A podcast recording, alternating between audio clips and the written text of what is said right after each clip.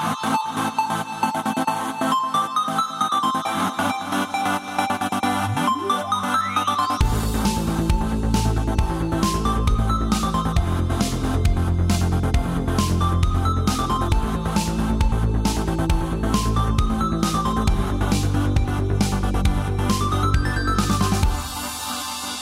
Hallå där och välkomna till Nördliv, en osensurerad, oklippt och fantastiskt nördig podcast om spel och allt möjligt.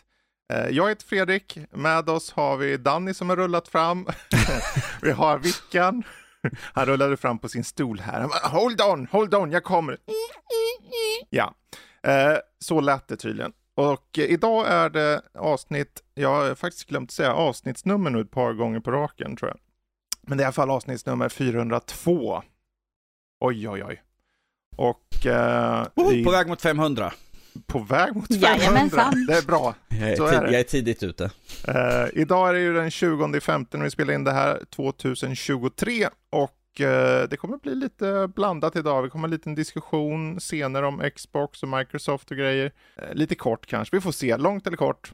Men framförallt som vanligt, upplägg med spel som jag har spelat, film som har setts och eh, nyheter som har legat och grott till sig lite kanske, vem vet. Det, det, senast vi gjorde avsnitt, ett normalt avsnitt, då var det ju den här IRL-podden för avsnitt 400. Och då sket vi ju i nyheter.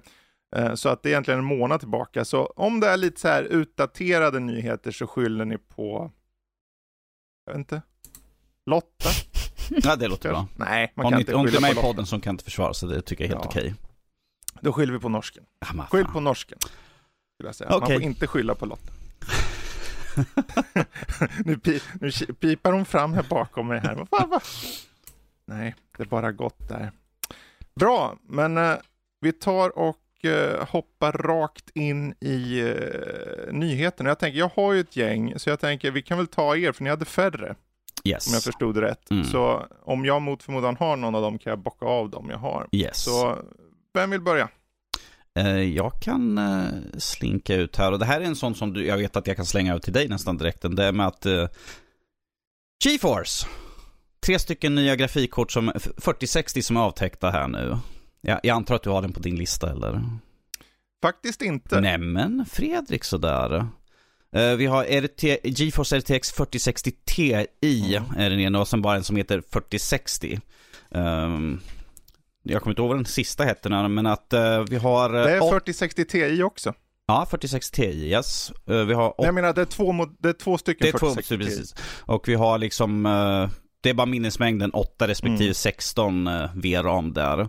Eh, och de gissar på att eh, 8 gigan skulle ligga på runt 5199 och 16 kommer ligga på cirka 6 500. Där är det så riktprisen från USA då, cirka sådär. Men vad, vad vi får sen beskatten, det är ju en helt annan femma här i Sverige. Sådär. Mm. Men att, Fredrik, du som ändå är våran grafikkortsnörd. Vad tycker du om att vi får nu 4060 ordentligt här nu? Ja, alltså, Alltså vi hade ju den här fake 4070 förut ju, som var Precis. en sämre version. Precis. Ehm, om vi säger så här, jag har ju redan, vi kommer ju recensera 4060 Ti. Mm. Och eh, vi visste ju redan om sen innan eh, angående just eh, de här korten då. För de skickade ut till oss i förhand. Då, då fick man ju inte säga något. Men det är ju så här, 4060, den som är bara en 4060 kommer kosta 299 dollar. 4060 Ti kommer kosta 399 dollar. Mm. Och 4060 Ti 16 gig kommer kosta 499 dollar. Ja. Så att eh, det betyder egentligen att föregående modell, det vill säga 3060 Ti, kostar också 399 dollar. Eh, och eh, medans 4060, eller 3060, den som du har Danny, Ja. den kostade i listpris 329 dollar. Mm. Nu kommer den kosta 299 dollar för den här 4060, så den går ner lite i pris om man jämför dem. Precis. Men i vanliga fall så brukar det vara så här, en generation senare brukar alltid vara en 20, man vill att det ska vara en tydlig stegring i prestanda, men nu är det inte lika stor stegring i prestanda. Och de är så här lite kluriga, för de räknar med de här, den så kallade DLSS 3.0 frame generation i sina uträkningar och det är en sån här som en AI som för in extra frames mellan två riktiga frames, så Mm. att det ser ut som du får dubbelt så mycket frames, till exempel. Men egentligen är det bara AI-genererade bilder den för in mellan. Så det är fake egentligen, om man ser det så. Men de räknar på det när de jämför dem sinsemellan. Och kolla vad mycket snabbare den är! Alltså den är ju inte de du gör på riktigt om du skippar den här tekniken. Så ifall jag skulle köra ett skitspel och min, min skärm kan ju ta 280 eh, Mm. som max. Så alltså ifall jag skulle få det då skulle det få, vad blir det? Ifall vi säger dubblering, Ja. 560 FPS liksom rakt upp och ner så Ja, tyvärr är det ju så att i och med att det inte är riktiga frames så Mm. fattar inte din skärm det. Nej. Så att han kommer fortfarande, han kommer däremot få mycket mer screen tearings för att den kommer inte kunna läsa av att det är så många frames. För det är egentligen inte det, det är, det är färre. Det är bara att han själv i programvaran, eller rättare sagt i de här tensor coresen eller vad det heter. Och jag har ju för mig att du har pratat, du har, du har ju pratat lite om att med vid sådana snabba rörelser och sånt där så kan det bli att AI kanske inte liksom riktigt hänger med. Att det blir blur eller liksom Ja, mer jag- screen tearings och sånt också för att den inte kan riktigt uppfatta vad som egentligen sker. Det är, så här, det, det är viktigt att separera de olika teknikerna. Just då DLSS 3, det här är Mm. jättekul, jag ser vilken bara, snälla Jag bara sitter och funderar på fall det i vissa fall kan bli ett problem att den visar för många Mm. frames. Om du har en, men, en skärm som inte kan visa mer än, men, du har en kass skrivbordsskärm från jobbet liksom. Mm. Eh, fall det blir mer smudge än vad det hjälper. Precis. Egentligen inte. Eh, Poängen egentligen med frame generation, om man ska hårdra det, är bara att göra att det du ser blir mer smooth. Det är vad du får. Mm. Så att, eh, säg att du kör ett spel som du slänger på alla de här raytracing och allt vad det heter för att det ska vara så här, det fetaste du kan. Och då, då kanske han inte orkar så mycket. Säg att han, vi säger till exempel 30 FPS. 30 FPS kommer man märka av, för det går ganska segt så här. Eh, och då om du adderar frame generation och i det här exemplet säger vi att det till exempel når 60 då. Så är det inte riktiga 60, men han får det att kännas mer smooth. Så det är egentligen en fråga om upplevelse av det. Och ju lägre frames du egentligen har, desto svårare blir det för den att representera på ett bra sätt. Mm. För gapen mellan varje frame är större än om det är till exempel, säg att du har från start 150 frames och sen så lägger han på frame generation och då lägger han in en mellan. Då blir, varje frame går ju snabbare då, så att de, då hinner han föra in och då märker du inte av det på samma sätt. För det är nämligen så att det blir latens på det här. Ja. För att när du, när du kör med 30 FPS då, så när du rör på musen så behöver han behöver ju skicka signalen och så ska den komma tillbaka från där du registrerar med musen, den, den, de actions du gör. Eh, men då om du skjuter in AIs genererade frames däremellan, de, det spelar ingen roll vad du gör med musen under en sån påhittad frame, för det ju, har ju ingenting med vad du gör på, på skärmen att göra. Så det adderar latens. Mhm. Så vad man brukar säga att sån här frame generation kommer göra det se smooth ut, men det kommer vara mer lagg i, säg att du, ja men jag vill köra den här gubben, första persons skjutare, då ska det gå snabbt. Men sen om det är lite segt när du ska vira runt på kameran till exempel, då, då vill folk inte ha det heller. Nu har ju de adderat något som heter reflex, en, en sak som minimerar eh, latensen lite, men de som, de som vet teknik, eller de som är så competitive, de kommer aldrig köra med frame generation. Men i alla fall, det här är lite utanför allting. Det finns mycket att gå in på vad gäller just alla de här teknikerna. Men för att gå tillbaka till grafikkorten bara. Ja, de kommer släppas och vi kommer ha ett som släpps 24 maj. 24 Det maj är redan. RTX 4060 Ti 8 gigar och de tror Precis. att nästa kort dröjer till nästa månad innan det släpps. Så de kommer släppas stegvis. Mm. Ehm, vi kommer ju täcka den inom kort. Det vart ju försenat med att skicka till oss eh, av olika skäl. Mm. Eh, och eh, jag lär förhoppningsvis få, få till med en sån nu till, till början på veckan. Eh, men det enda kruxet här känner jag är att de, de släpper alltså ett kort som är 8 gig Mm.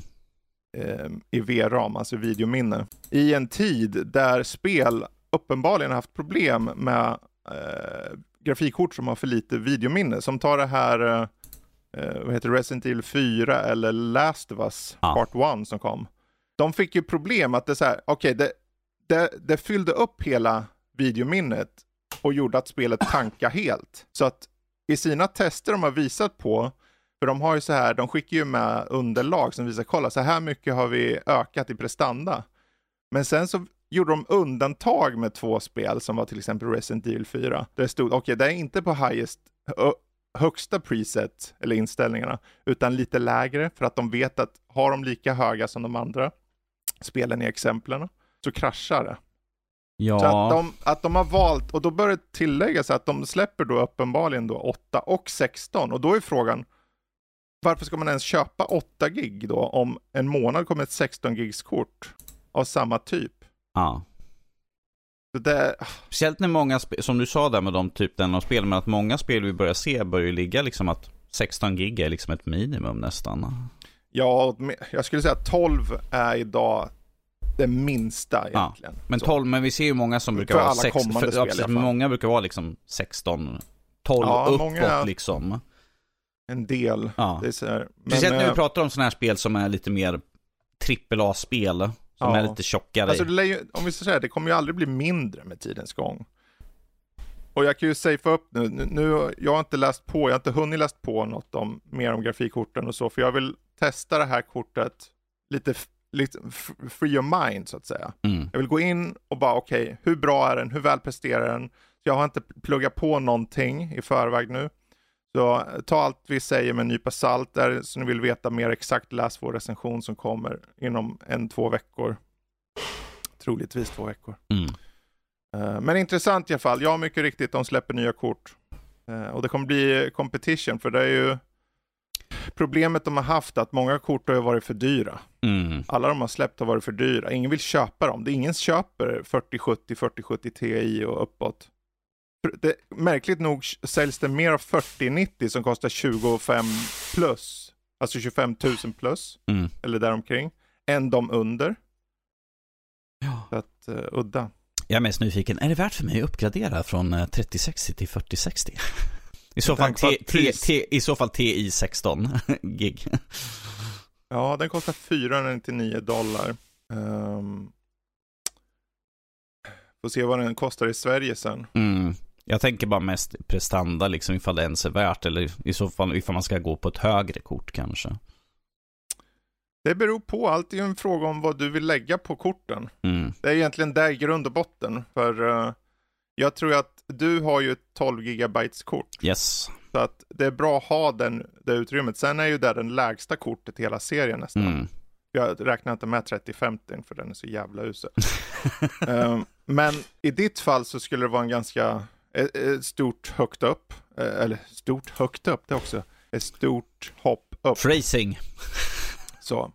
Uh, jag tror mycket med att du får med, för även om man kan tycka frame generation är lite så här, mm, jag har testat det och det, det blir väldigt följsamt. Uh, och ju, ju, mer frames du har i, i grunden, desto mer följsammare blir det. Men det är ju också lite av en gimmick. Mm. Tycker. Men lite pengar för en större ökning för din del förvisso. Jo, jo. Att, men äh, vi hoppar vidare. Hade du någon annan nyhet? Yes, vi har på mitt favoritspel som jag tjatat i många år som jag har tappat tron på. Men Skull and Bones är försenat igen. Det var, sagt att det, skulle, det var sagt att det skulle komma det, fysik, det här fysikala Fis året. Fiskala året, ja. ja. ja. Eller föregående fiskala år, det vill säga som slutar vid första april. Men att det blev ju inte av. Och att nu räknar, räknar de med att det kommer någon gång nästa år kanske? Slut på nästa, alltså slut på det här. Ja, innan, nu, innan, innan, innan det här, mars. innan den här fiskala året sådär. Innan sista mars ja. eh, 2024 då. Ja. Ja, alltså Ubisoft, vad håller de på med? Va? Jag blir nästan så här, vi behöver ha mer konkurrens, men de, jag vet inte, det, är så, det går för tufft, det är för tufft för dem just nu tror jag. Och så ska de, nu med den här läckan om uh, Mirage och allting, så jag vet inte fan.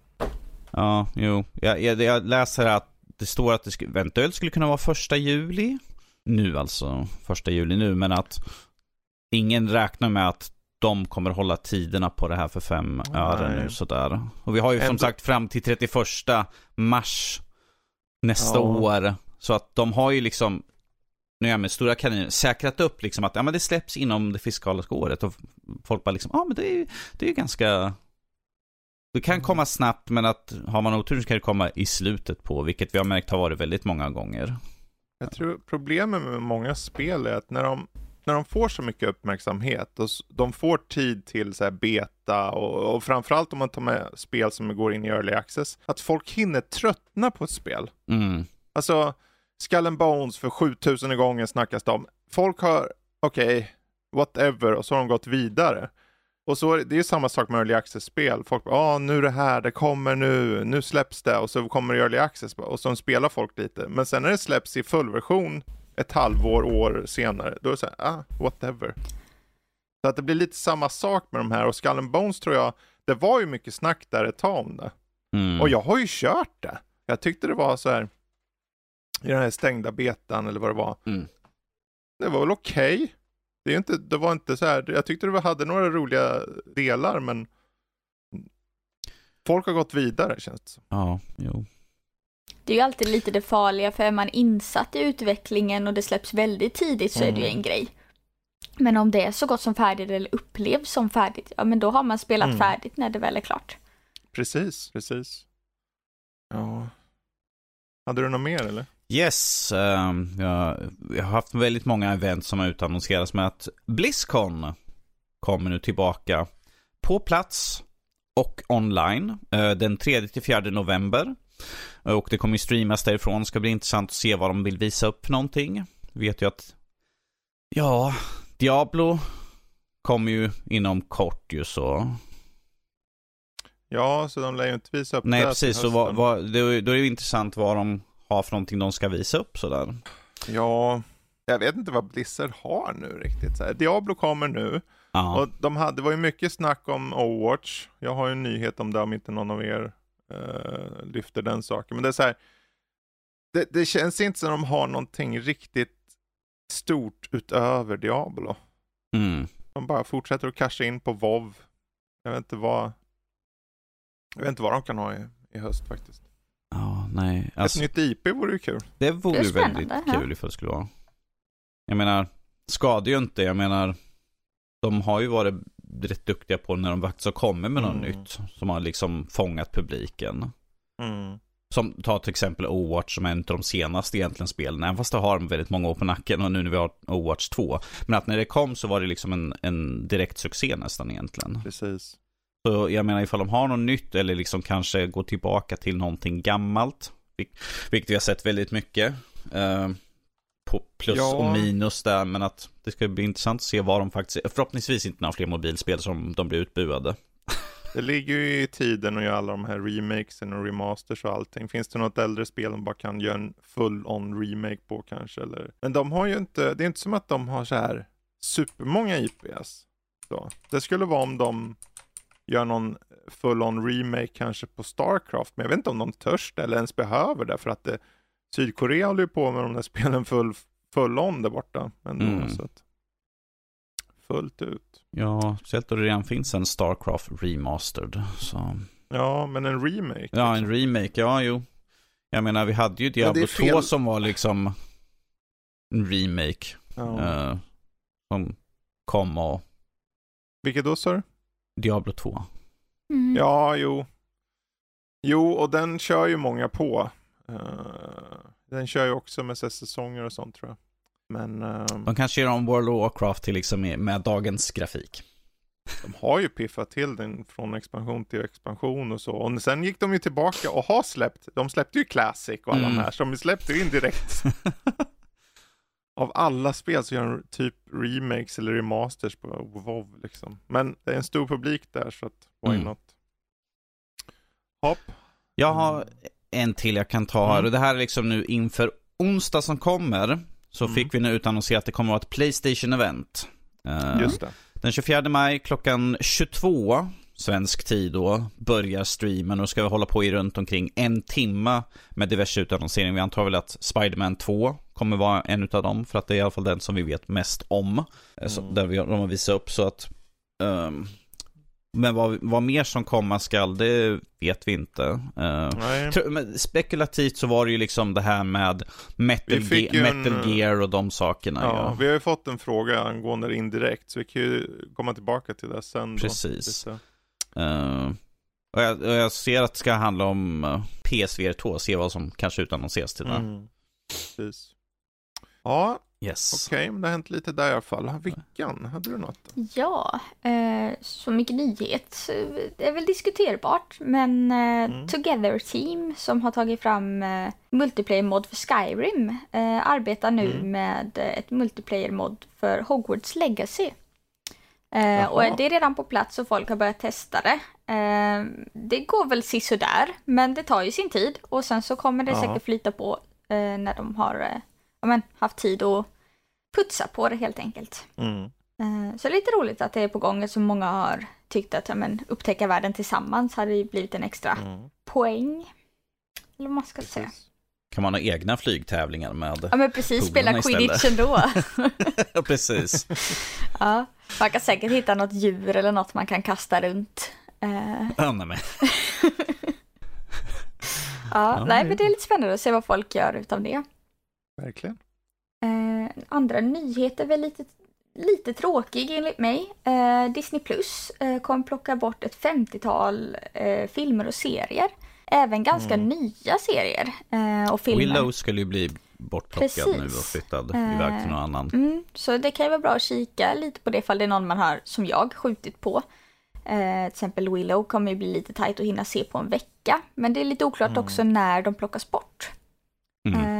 Mm. En del säger ju att det är nu i nästa vecka och Disney själva kan man ju inte läsa något om detta. Nej. Så ja, Nej, de har gjort väldigt mycket omstruktureringar sedan Bob Iger kom tillbaka och det är ett, ett steg i leden är att ta, ta och minimera mängden uh,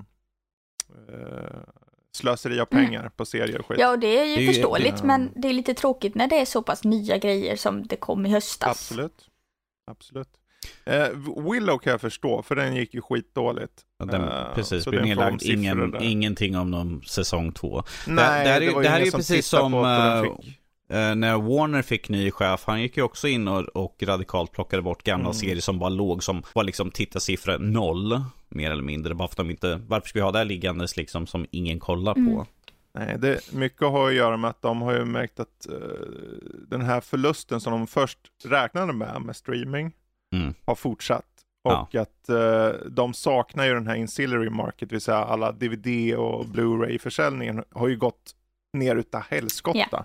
Och det är den de vill börja få tillbaka, så ett steg i leden är att börja ta ner mängden stream-content och få tillbaka de här x antal dagarna för eh, biofönster och utöka dem och, sen, och framförallt få ut mer på bio. Och sen efter det också få den här försäljningen igång mer.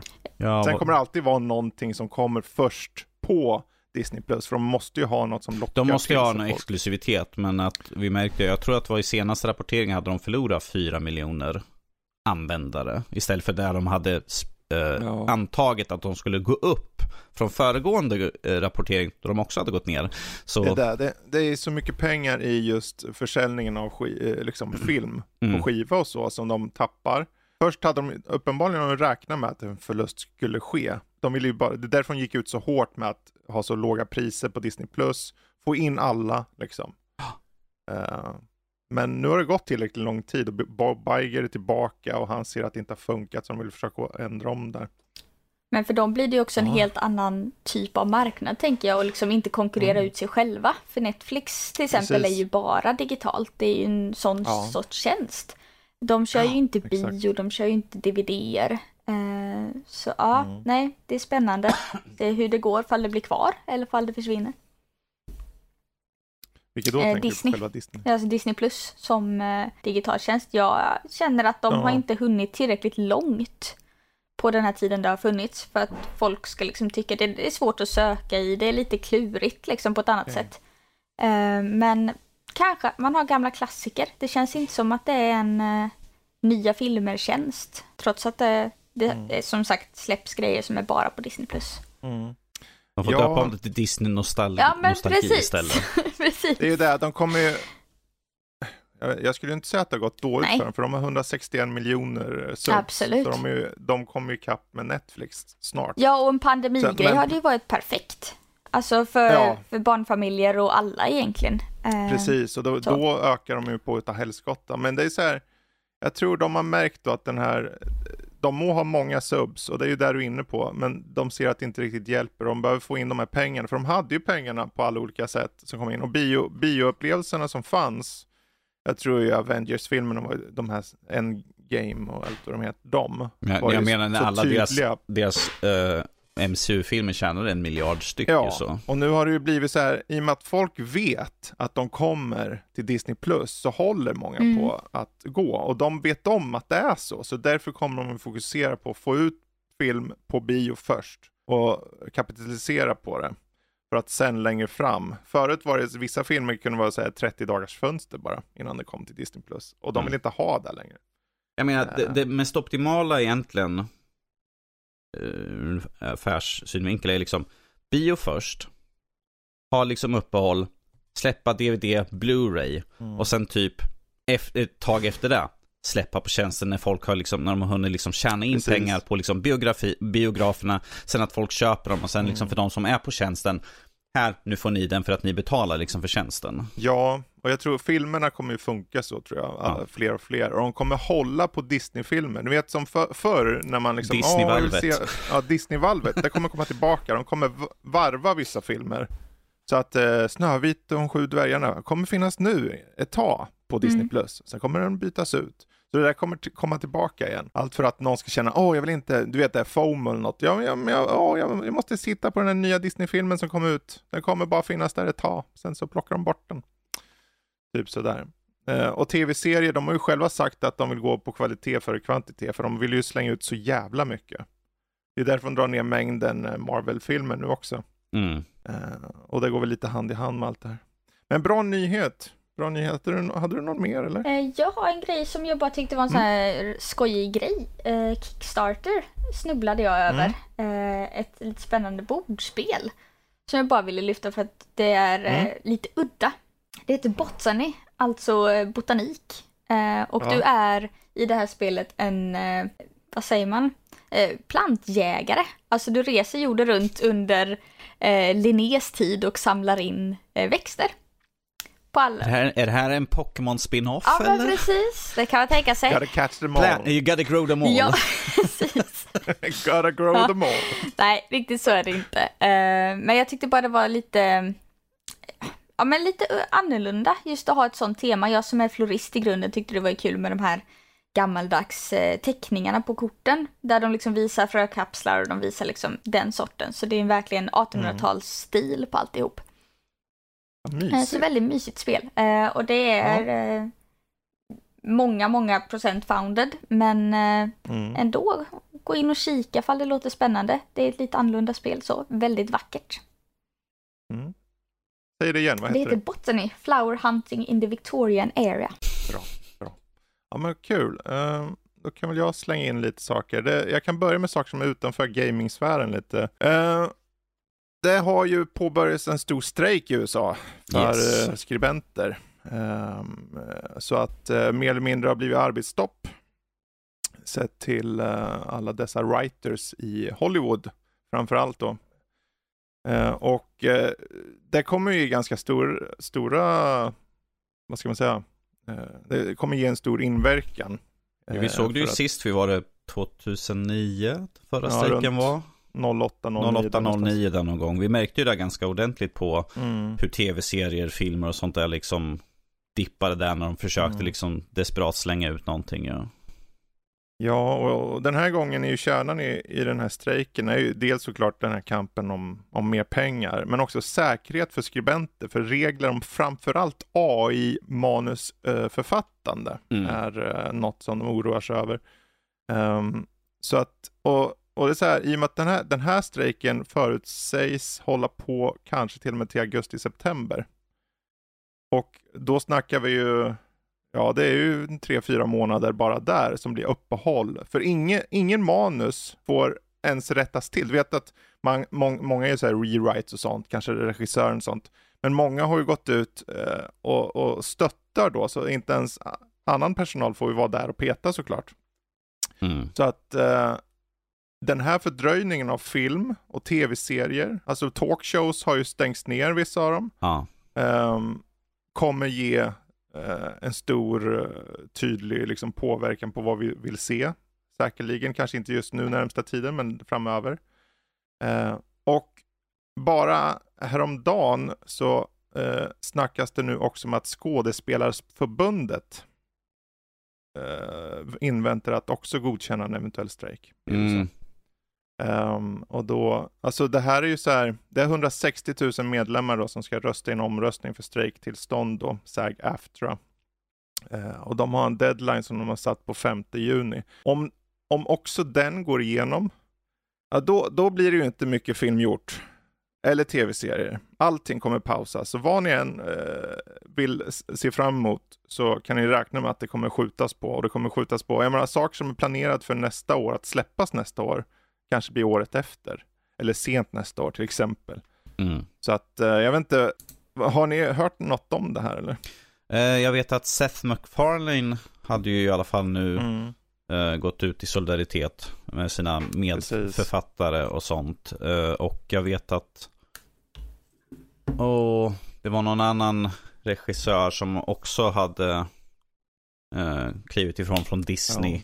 Eh, dels först och främst påtryckning från en kollega eller något sånt där. Mm. Tror jag det var, men att han pratade liksom med cheferna för strejken och sånt där. Och sen informerade han liksom att ja, jag kommer inte fortsätta mina tjänster här just nu så Mm. tills vidare. Och jag menar ifall vi får liksom att skådespelarna också går i strejk så då är ingen manus, då är ingen som läser de manusen som redan finns. Så det blir en väldigt stort gap där liksom helt plötsligt. Eh, på, på underhållning så att säga. Ja, och all den här strejken, alltså jag kan, på writers, alltså på skribenternas sida, för de, de har ju släppt, de släppte med flit sina negotiations-papper officiellt.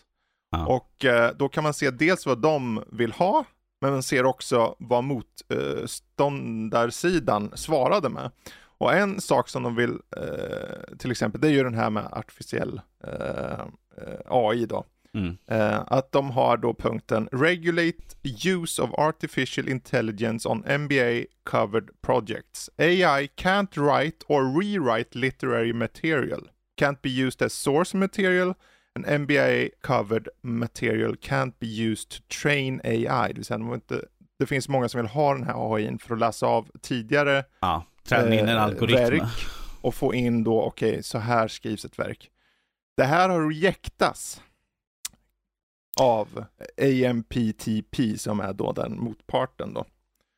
Eh, och Ja. det är bara en av många saker, så man kan ju tro, man, först tänker jag, men de vill bara ha mer pengar. Nej, nej, det handlar om att de ska kunna fortsätta livnära sig. För när och om AI blir en ännu större grej än vad det är idag, så är det ju folk som på riktigt blir av med jobb. Och då är Mm. det så här, vad är det för någon film och, och tv vi ser då om x antal år? Om, om vi skulle tillåta AI skriva manus. Ja, Så Ja. jag tror det, det här är en väldigt viktig, jag en menar vi, vi, vi, viktig vi, strejk. vi såg ju redan det här, eller vi hörde ju om det här, vi pratade om, eh, jag tror det var Ubisoft, att de skulle ha NPCers repliker skulle vara skrivna av AI. Eh, Så alltså små dialoger bara här som NPCer säger. eh, Som det ryktades om att de skulle använda i sitt. Så vi har, redan, vi har ju redan sett att det finns redan planer i spel. Så jag menar i film, varför inte? För jag menar, Ja, för spelen, just den biten var ju på grund av att alla, alla bara de här små karaktärerna. Ja, det var det, det är därför jag sa NPCer, så liksom Ja. det är inte liksom storybeats eller något sånt där, men att vi det ser finns liksom ju att... NPCs, bara för att förtydliga Ja. mot lyssnare, så det finns ju NPCs som har betydligt mer dialog. Det här är bara, Ja. sek- alltså, inte en sekundära, det är bara liksom någon som står vid en Men att brunn och tittar ner. Det, liksom. det är ju liksom ett steg liksom... Jag menar, ifall de gör det, vad hindrar de från att ta lite större till lite större? Mm. Det är som vi ser med allting, det är liksom ett steg fram, kanske stanna kvar, backa lite grann och sen liksom fortsätta framåt. Eh, Precis. och se hur långt de kan, liksom kan sträcka sig på. Och vi Ja. ser, jag kommer inte ihåg vad det här AI som folk kan skriva in. Skriv mig en historia där Fredrik är liksom en banan och Danny är liksom Mm. en, eh, en uggla i taket så här. Och så skriver den en historia på det. Ja, precis. Jag vill läsa den historien, det lät rätt kul när jag, när jag sa det. Ja, det, ja. Ja, Ehm, det är verkligen men det- intressant just det där. Är det för att någon ska tjäna pengar på det? Är det för att Mm. någon ska bli underhållen? Eller är det någon, för att någon ska uttrycka sig? För det är ju väldigt Mm. stor skillnad. För att vill du ha en, en berättelse själv, ja men då kan du be den här chatten, den här botten AI att skriva dig en berättelse. Så kan du läsa den. Men om du skriver och sen säljer den här till folk vad, vad tar då liksom den mänskliga faktorn vägen? Och det är väl lite det jag förstår det som är problemet här. Eh, för det kan ju bli jättebra film, det kan bli jättebra grejer, men vi förlorar inte bara jobb utan vi förlorar den där eh, mänskliga delen eller vad man ska säga. Exakt Om, om vi ska se till en rättslig sak så ifall inte jag missminner mig helt fel på de som jag har lyssnat så kan du inte copyrighta Mm. ett manus som är hört. skriptat av en AI utan det är liksom det är liksom påhittat, det är ingen mänsklig eh, faktor Ja. i hela sådär. Men jag vet inte ifall de har ändrat på det. Jag tror copyrighten Eh, utgår ju från att den AI tar fram är ju utifrån all den materia som han, eller han, den går igenom och skapar utifrån. Det vill säga, han går ju, eller han, den går redan igenom massor med material som redan är copyrightat för att skapa en egen berättelse, Mm. så därför kan du inte copyrighta det. Precis. Så jag menar, som med bilder också. jag liksom. menar ifall du som ett, säg att Disney skulle göra liksom en, en stor film som kommer bli en jättehit liksom som är baserat utifrån det. Mm. Vem som helst kan liksom bara kopiera och göra sin egna version för att de, Ja. de kan inte säga liksom, ni får inte använda det. Ja, men tekniskt sett, du äger inte det. Nej. Men det, det där är ju som sagt, det där är en del av det. För eh, writers i USA så är det ju också det här angående streaming idag. För många får ju inga residuals alls, alltså Nej. pengar. Eh, för de får en fixerad summa i början, till exempel. Eh, mest. Eh, och idag ser ju så annorlunda ut än hur det var för kanske 10 plus år sedan. Mm. Så att den här transparensen med att tjäna även utifrån till exempel hur många views ett program får till exempel på Netflix, kan jag tycka är väl helt okej.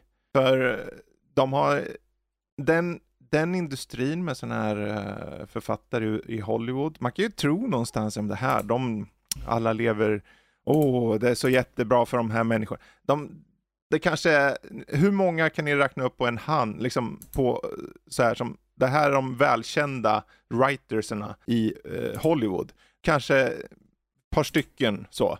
Resten, de har ingen namn. Och de tjänar skitlite. Ja, ja. Och nu när det är streaming så tjänar de ännu mindre. Jag menar, if, ifall man ska räkna upp någon så kommer det vara att de är liksom writer slash producer director. Mm. För att vanligtvis då de liksom kan ha liksom mer inflytande. Men ifall du bara är en, en no-name writer, ingen kommer komma ihåg det liksom. Det vanligtvis är det sådana här som, och ifall det är folk som, sådana som man kommer ihåg, är för att de är liksom eh, har liksom en koppling till till exempel Ja. en viss producent eller en viss regissör som bara liksom, ja men jag tycker om honom, han har skrivit bra Precis. film till mig tidigare så att jag har honom med igen. Det handlar om att vara känd bara. Ju Precis. mer känd desto större kan du Det gäller att vara känd eller liksom Ja. ha ett gott förhållande Och till det, liksom en... liksom, det är tusen på tusentals writers där borta. Mm. Och det ser man ju även på skådespelarsidan, för om de går ut i strejk på skådespelarna också, för alla säger det, men skådespelarna i Hollywood, de är alla välbetalda. En procent av dem är de som ni känner till. Mm. 10 procent av dem i Hollywood kan livnära sig på att och klara sig. Resten kämpar konstant. Så det är så här, det är lätt att bara förutsäga, eh, eller tro rättare sagt att ja men de har det väl bra, men så är inte fallet. Jag menar, de här en procenten vi pratar typ Tom Cruise skådespelare, den Mm. kalibern i så fall. Men jag vet att det finns massvis med serier som, och, och filmer som jag kollar på som jag liksom bara, ja men där är han i bakgrunden. Han är med i massvis med grejer. Men det är liksom för att han jobbar Han som en extra. Han, han liksom är liksom gubben i bakgrunden liksom. Det är Ja. det han gör. Ja, det finns sådana skådespelare som jag känner, jag bara, men det är han. Men han var ju med på den här. Och där, han var ju med i den här filmen, som var med i den här tv-serien liksom som en liten mini-biroll liksom. Så det finns ju skådespelare som är liksom med mig hur mycket som helst, men att de har liksom, ingen vet vad de heter. Det är liksom, det är han, du vet han, så han stod i bakgrunden. Oavsett, det är en jätteviktig strejk den här med uh, writer-striken. Striken. Det är också ett sätt att böja på det ordet. Ja, Och jag menar, ifall de inte kan säkra och- liksom det här med AI så har ju inte de- deras yrke en framtid nej, så nej. att säga. Eh, Så är det. Så det blir väldigt intressant att se. Men jag kan ju bara säga det till alla som bara åh, jag vill se film X komma snart. Var glad att de filmer som ni ser fram emot redan är förinspelade och klara. Mm. Som Dune till exempel, som jag ser fram emot. Inspelad och klar, eh, mer eller mindre. Men jag hoppar vidare, för jag har fler. Jag kan riva av här, eh, apropå tv-serier. Eh, Vampire Survivors blir animerad tv-serie. eh, och det är från John Wick och Sonic-skaparna. Eh, Så om ni mot förmodan vill ha någon form av, eh, jag vet inte vad det blir, så här eh, castlevania inspirerad tv-serie. Jag vet inte hur de har tänkt göra det här, men eh, det är ju poppis. Så varför inte tänkte någon och skriver ihop ett manus och eh, ska göra någonting skojigt på det. Eh, vem vet? Kanske blir kul, ingen aning. Det märks. Det märks. Uh, hoppa vidare ytterligare. Uh, vi kan ju gå in på det här, du var inne på Blizzard förut. Yes. Uh, först hade vi ju då Blizzard och angående Overwatch 2. Mm. När den presenterades tidigare, då i, när det avtäcktes 2019 tror jag det var, så var ju då en stor grej att de skulle ha ett story-drivet PVE eh, moment ja. i det, eller segment. Eh, men eh, nu har de kommit ut och sagt att det blir inte av. De har skrotat de planerna på PV-inslag i den här multiplayer-shooten. Och då är det så här, vad, vad, då, utöver att de har gjort vissa andra förändringar som har gjort att folk kanske inte gillar tvåan på samma sätt, så var det ändå många som höll sig kvar för att de kände, ja men den här PVE Hero Mode, eller vad det heter, det är något vi kan se fram emot. Och särskilt för mig då som, jag har inte riktigt gillat, jag är inte multiplayer-spelare, men jag kan tänka mig, jag, vill, jag har velat testa den där världen. Och jag tror att så här, ett single player-upplägg med kompisar, co-op-läge liksom, det vore kul. Men nu ser jag ingen anledning att starta det här spelet, personligen. Det är lite för mig som att de skulle komma med liksom, ja men vi gör uh, nästa Call of Duty med att du har ingen single player-kampanj, ja. vilket vi har fått ju. Och då Precis. för, på direkt för mig, jag bara, okej, okay, ni har förlora ett, ett, De har ett förvisso där. sagt att det ska finnas fristående storyuppdrag som innehåller co-op, men jag vet inte, fortfarande är jag lite osugen. Ja. Att, uh, men det var en snabbis där. Mm. Uh, och um, sen har vi då egentligen den stora grejen vad gäller Blizzard är ju såklart allt det här med Activision Blizzard-affären mot Xbox. Yes. Som Först fick, fick stor ju... uppdatering nu i alla fall ju. Ja. Vad sa du? Det fick ju, fick ju stor uppdatering på hur den kommer till. Ja, men först hade du den 26 då. Vi hann ju inte rapportera om det här för vi hade ju 400 avsnittet. Uh, Storbritannien sa ju nej till mm. Activision Blizzard-affären. Uh, och det, det, är ju deras typ av konkurrensmyndighet då, Competition and Market Authority, som utredde och sa egentligen att det det fallerade på var cloud av alla saker. Okay. Ja. Att de skulle ha för mycket inflytande i framtiden om molnspelande, mer eller mindre.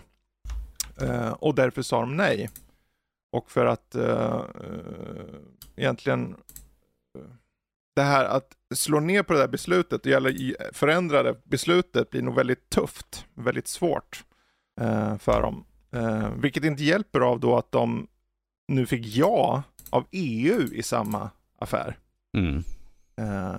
så att det är så här, det är lite upp och ner med det där och man kan ju undra så här, hur går det egentligen för Xbox när de försöker köpa saker och ting? Hur går det överlag för Xbox? Jag, jag, jag känner ärligt talat att jag vet inte varför folk ska... För det, hela det här snacket om att ja, men de har Game Pass och det där drar in folk. Men ärligt talat, nu har det gått så många år med Game Pass så att de har inte någon USP överhuvudtaget längre känner jag. Uh, I alla fall för nya så här, om du som ny spelare ska ta en konsol, ja du får ett par outnämnda titlar som släpps hela konstant på den här Game Pass. Men i och med att de aldrig utannonserar i förväg eller något så är det inget någon vet om. Så då tänker jag oftast, kan jag bara tänka mig nu om jag ska anta, att folk tänker, men jag vet ju att Sony släpper stora titlar. Jag vet att Nintendo släpper stora titlar. Till och med PC får ju överlag, om man ser bara till Steam, alla stora titlar kommer ju där varför ska man ens ta en Xbox då? Så att, jag vet inte, och då har de ju tillsammans med det här också fått det här väldigt usla mottagandet av uh, Redfall som mer eller mindre blivit en total flopp. Mm. Uh, Series S håller tillbaka egentligen Next Gen i och med dess begränsningar. Och det här är enligt utvecklare då, ah. som säger att, de, att det hålls tillbaka. Uh, de har kallat det att det kallas en albatross av någon anledning. Um, mest för att det är stort och segt och kommer ingen vart. Jag kan få ta en liten kort sak här angående det här med Storbritannien där. Mm. Uh, det kom ut här ganska nyligen nu att parlamentsledamöter i Storbritannien har nu ifrågasatt beslutet. Jag undrar varför de håller tillbaka det här. Mm. Dels för att det är en dum sak kanske att göra enligt dem. Men att de kan, tänker att det kanske kan få negativ insyn på England eftersom de nu är fristående och inte med i EU, att liksom de kanske att de verkar svåra att göra affärer med rent allmänt och det kanske inte är något man vill ha när man inte har backupen av till exempel EU eh, eller någon annan stor grej man är med i. Så att jag tror att de kommer, kommer lägga lite press. Och vi vet ju att Microsoft har redan sagt att de har hyrt in advokater nu för att mm. liksom gå emot. Och det här kan ju samtidigt då sätta en press eh, på, på att det ska gå, att Konkurrensverket ska gå med på den. Så att vi får ju se hur det här gör. Speciellt nu. Det, det, det är intressant att liksom parlamentet ja, går emot men beslutet. Det finns ju ett så. väldigt tydligt skäl till det. Och jo. det kallas lobby, lobbyism. Mm. De, de är, det här är ju personer som redan innan var emot att, eh, att eh, England skulle gå ur EU. Eh, e mm. Um, och tyvärr är ju inte det hela regeringen eller hela parlamentet då. Så att det, det hänger ju på att de personerna är tillräckligt många och att, att de har någonting att faktiskt kunna påverka. För bara för att man är en del av parlamentet betyder inte att man har den typen av påverkan. Nej. Särskilt mot en myndighet. Mm. Um, det skulle vara om sittande regering gick in. Men eh, det är ju aldrig fel. Och det är så här, jag tror ju att det där det är ju samma sak som med EU. Att lobbyism hade ju pågått där väldigt länge. Ja. Eh, från Xbox sida och vi, vi snackar ju pengar här. Mm. Ja. Så att jag säger inte att de är köpta, men de kan vara det. Potentiellt. Men det spelar egentligen ingen roll, för om slutresultatet blir att de kan pusha på, för det är incitamenten då. Mm. Och det är ingenting att skaffa liksom sådär, utan uh, förhoppningsvis så får de dem att ändra sig. Um, för det är en sån fånig grej att halta på att vi ser här att molnspelandet, där kanske ni får stort för stort monopol. Fredrik, jag, jag, kan garantera att 90% av de som var med och gjorde beslutet har noll koll på vad det betyder. Mm. De bara liksom, det är nog googly goop, liksom, vi säger nej bara för att. Det enda de ja. vet att, uh, de, att Xbox är de som egentligen enbart har molnspelandet. Om de får fritt uh, spelrum så betyder det att de har monopol. Det är väl egentligen där de utgår ifrån. Uh, och det finns en viss, jag kan förstå det till viss del, men samtidigt är det ju som du säger, men det är ju ingen spelar i mål. Ingen spelar i molnet. Det är så här, lite kuriosa, så här. jag har spelat och det funkar. Mm. På Steam, på Steam-däcken så, jag har ju en webbläsare i den, så jag går in på den och kör Xbox-spel i webbläsaren i Steam-däck. Mm. mm. Till exempel. Så här, det är wow, samma, samma, sak på, samma, sak på, mobilen liksom. Sådär. Ja, precis. precis. Men det är så här, att det haltar där. Vi får hoppas att de gör något åt det. Mm. Um, men jag tror mycket har med, om vi går tillbaka, en stor diskussionsfråga, eller en stor, det beror på hur stor vi gör den. Microsoft och Xbox då. För när Xbox då kom ut, jag vet inte om det var slut på 2021 eller i början på 2022, då släppte de ju all, alla spel som skulle komma till Xbox. Över de 12 nästa månaderna som de sa då. Mm. Och det här är ju spel då som överlag, ärligt talat, många av de här vart aldrig det som hade hoppats att det skulle bli. Somerville, Plague Tale, Grounded um, och nu senast Redfall till exempel. Uh, är ju några av de exempel som är liksom kom ut direkt ut i deras Game Pass. Ah. Men överlag så är det så att de har fallerat på nästan på merparten av de här på ett eller annat sätt. De har inte fått ut ordet. Det kan vara att spelen är bra, men att de kanske inte har fått ut ordet, det har inte blivit en snackis, ingen, att, de har ju backat i, i subscribers till, Alltså inte i mängden mer som att de får mindre per månad som adderas. Mm. Um, och då överlag är det så här, frågor som kommer upp. Om det styrs så dåligt, är det en tidsfråga innan Phil Spencer får sparken? Oh. Um, nej, det tror jag inte egentligen. Jag tror att han är en, en väldigt bra ledare egentligen. Vad som behövs göra sig kanske som sagt där kommer jag säga alla bara, det är självklart, styra upp det lite bättre för att de måste vara lite mer transparenta med det här har vi i pipelinen, det här har ni att se fram emot för just nu får vi, vi sitter, varje gång vi sitter och går igenom vår egna interna spelrelease-lista för att kolla liksom, vad är det för något som kommer, var är Microsoft? Var är liksom utannonseringen? Var, var, vi vet inte vad som kommer. Kommer Microsoft med någonting i år? Brukar vi ibland fråga. Så, så får vi sitta och söka liksom i tre år för att hitta mm. ett litet spel. Och det är någon liksom så här tredjepartsstudie som de har liksom under sig. För, för att när vi får spel från dem så är det liksom spel vi nästan förväntar oss. Men om du har en företagsledare som sitter sedan 2014 mm. och företaget inte presterar och det, det, företagsledaren säger år ut år in, det här blir det starkaste året någonsin. Mm. Och sen blir det inte det. Och så fallerar Och då har han sagt sex år på raken. Jag tänker, personligen vill jag att han sitter kvar, för jag mm. tycker han är det, det starkaste kortet sett till att, uh, vad heter det, han är likable, relaterbar och allt det här. Men vi ser ju hur det går. Mm. Och det är, det är ingen annan som har Xbox-styret sett till den det segmentet. Det är han. Så att jag undrar, jag tror, jag tror inte heller han kommer gå, eh, eller behöva gå, men jag tror att det kommer börja närma sig nu att han måste prestera och få ut saker. Eh, ja, om vi ser bara till de köpen som de har gjort under de senaste, vi säger de senaste tre åren. Vilket är ju en massa studios och uh, vi säger fem åren, bara för att liksom få ja. det här att gå bättre De senaste fem åren, vi, har, vi väntar fortfarande på resultaten från ja. många av köpen så att säga. Ja, för vad håller spelen hus mm. liksom? Uh... Ja, jag menar Redfall, uh, vi kan prata om det sen. Men att uh, Starfield är som sagt är ju nästkommande spel. Mm. Och jag menar, ifall det visar sig vara ett spel som, som bäst är, eh, det är kul, det är kul att spela bara. Mm. Men att ingen liksom folk bara, har du kört, har du kört, har du, har, var, var, var du iväg hit? Liksom, sådana som skapar diskussioner, att folk pratar liksom mm. som är liksom en aktiv diskussion på nätet liksom, har du varit iväg och kollat här? Än att folk bara liksom såhär, kör, kör Starfield. Ja, ah, kul. Ja, och jag tror det, det är en sak att få folk att snacka om ett spel, men det behöver generera nya spelare. Det behöver generera allt det här som alla spel innan inte har lyckats. Redfall kommer inte generera nya spelare. Oh, nej. kommer inte generera nya subs. Nej. Eh, tvärtom, det kommer få folk att ja, jag skiter i det här Game Pass. Eh, så att den här showcasen nu, som kommer i sommar, är potentiellt den viktigaste någonsin.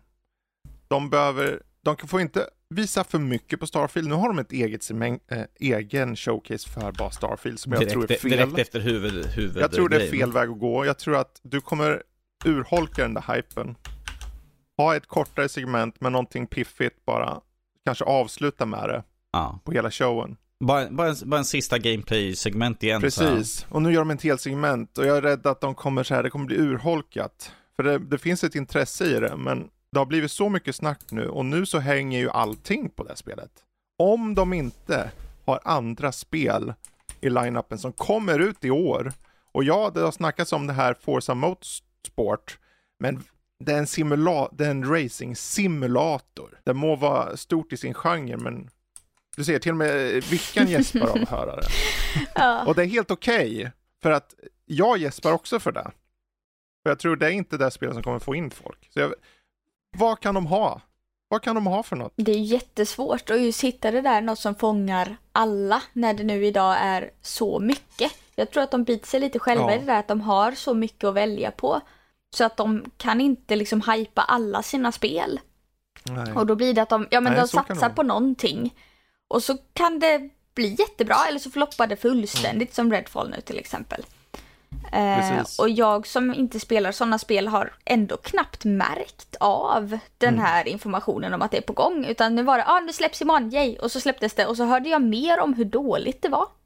Ja, precis. Eh, så det är ju lite farligt att hypa upp sina spel men på något sätt måste de ju visa upp, kanske oftare ha någon form av mm. minisegment att detta är månadens spel, eh, presenteras den första varje månad eller första mm. lördagen så kör de ett Xbox-svep. Eh, det kanske är Precis. någonting. Precis så. Jag tror du också något på spåren där, för det du hörde var typ snacket om spelet i den negativa mm. bemärkelsen efter. Och jag tror att problemet är att många får, det är den, eh, vad ska man säga, det är den ingången folk får. Att de hör inte något om inför så mycket, mer som att de hör bara snacket efteråt. Och hur många spel har det snackats om från Microsoft på sistone som varit i ren positiv bemärkelse? Nej. Um, väldigt få. Det är den här Hi-Fi Rush kanske. Ja, det är mm. sant. Um, men utöver det så har det varit så här, meh, eller bara kommit och gått. Ja. Uh, och det är så här, jag känner nog att de, om de inte har Q&A eller vad det heter, för till exempel Redfall, um, tillräckligt god, va, folk tappar förtroendet. Och folk som inte har förtroende för något skiter i att ha konsolen eller tjänsten och de vet om det herregud, Phil Spencer gick ju själv ut i den här intervjun med uh, kind, vad heter det, Funny Games? Eller vad, kind of funny. Mm. Kind of funny. Och så, egentligen, jag skulle inte säga att han slängde utvecklingen under bussen direkt, men han var ju å andra sidan, han var, ja men jag, det var, jag, det är besvikande siffror, bla bla bla. Och sådär, så att det är så här, det ser inte bra ut. Och det här säger högsta chefen för, som är ansvarig för det också, off offentligt. Ja, men till skillnad från andra företag så finns studion fortfarande kvar. Till skillnad från Squares studio som blir upplösta. Sant. Jag tror fördelen de har är att de har ju annat på gång. Mm. Och de har cred och det är ju varför Dishonored Arcane kunde släppa det här är för att de vågade ha tilltro för dem, Mm. Microsoft. Men nu så här, jag tror att de kommer vara så här, antingen så pressar vi ut skit och, och skiter i den här tilltron till våra utvecklare. Eller så gör vi oss av med dem. Mm. Ja. Vad gör ni som företagsledare om de inte presterar liksom? Det, jag hade ju så här, ja, ni får ett försök till, sen försvinner ni. Jag skiter i om ni har Arcane, ärligt talat. Det här var ju helt bedrövligt det här spelet. Ja, om vi säger så här. Jag har ju kört mycket Ubisoft-spel och de har ju aldrig släppts bra. Men det här är ett av de mest bedrövligaste liksom, spelsläppen jag varit med om. Alltså man kan gå runt AI i en kvart bara, den ser det inte. Okej, det är udda. Men eh, jag, vad tror, hur viktigt är ni då, om vi ska avsluta just den här diskussionen om Microsoft, hur viktigt är showcaset tror ni? Eller finns det andra omständigheter längre fram som kan Förändra jag har för mig att jag såg att de inte skulle göra någon sån här utlovande liksom. Det här är vad ni får under nästkommande 12 månader. Det skulle de inte ha den här gången i alla fall. För att jag, vilket inte, inte. vilket inte liksom ger mig en tilltro då egentligen till showcasen. Ifall de inte vågar liksom lova liksom att de här Mm. spelen kommer under, näst, nä, under nä, fram, eh, året som kommer. Är det för att ni har ingenting eller att ni tror att de kommer vara liksom en dud som bara liksom, det kommer ut och sen är det ingen som pratar om det? Ja. För man hade ju Eh. ändå velat ha alltså några stolpar. Alltså att ja men under eh, våren kommer detta, under sommaren kommer, alltså så har de ändå lite spelrum. Men eh, det låter ju inte som Mm. att det är något vi kommer få. De lär ju ha något datum här och Mm. var, men de lär ju inte, för att de vågade ha den här 12 månaders, eh, eh, vad ska man säga, planerade liksom kalendermässigt nästan så här de här spelen och sen så fallerar så många. Jo men man behöver kanske inte sätta, ja men onsdagen den 24 augusti Mm. utan mer Kvartal kvartal. Ja precis. Vore kanske något. Eh, men jag förstår att det är också svårt. Eh, det är svårt att förutse Ja. vad som kan hända liksom. Jo, det är sant. Och sen jag menar att de har liksom den här Starfield showcasen. Det är ju bara för att eh, Todd Howard ska kunna strutta runt och säga, prata en massa. För han älskar ju att prata Han har liksom. sin läderjacka. Han har sin läderjacka, four time fidelity, six times bigger. Som han får li- Hans leva med. läderjacka. Ja, precis. Hans läderjacka liksom. Han skryter om spel och sen när de kommer ut Oh, får att 76. Och det är liksom bajs. det är bajs. Det är bajsmacka. Dagens ord. Eh, Ja, nej det är mycket, Jag, mycket med jag Xbox hoppas, där. det enda jag har hoppats från den det är liksom att vi får Sennu Saga Hellblade 2. Kon, något konkret satt på den. Ja, just det. Ja, Jag väntar länge nog. Ge, ge mig ett datum. Och det är så här, jag vill också att det här kommer ut. Jag tror det kommer bli ett skitbra spel. Men jag känner att de måste ha något stort spel liksom. Du vet en sån här riktig, få in alla, ett, ett, ett eh, Spiderman, alltså en sån här spel som bara alla vill spela spel. Mm. Starfield har varit där och, och naggat i kanterna på den aspekten vet jag hos många.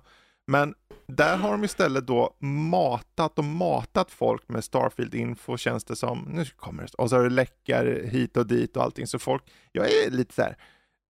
Jag vill inte veta mer om det. Jag vill inte se något mer. Låt det komma så får jag spela skiten bara. Mm. Men om jag inte bryr mig om det, då måste de ha något annat. Så kom igen. Fable, hösten eller våren 2024.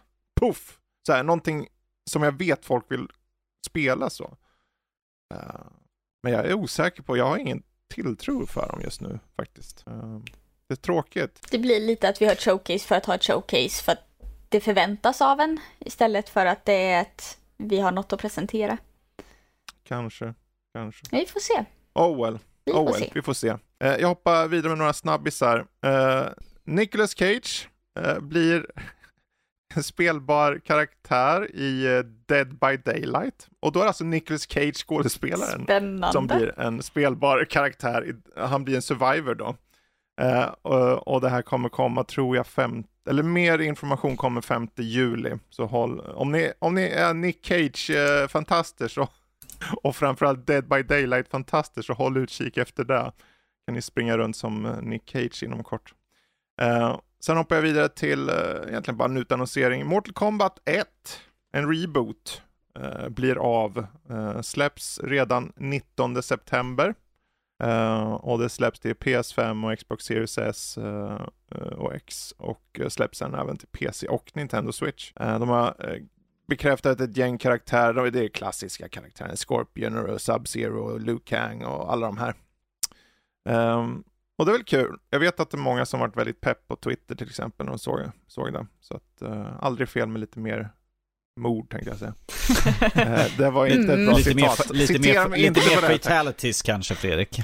Mer fatalities. Uh, och sen min sista nyhet. Som kanske är lite av en LOL-nyhet. Men det är så här, och det är lite med grafikkort igen. men det är inte så tråkigt som det låter. Det är så att i... Uh, ett smuggelförsök försöktes göras med 70 stycken Nvidia Quadro GPUer. Mm -hmm. Som smugglades in i Kina med levande humrar. Okej.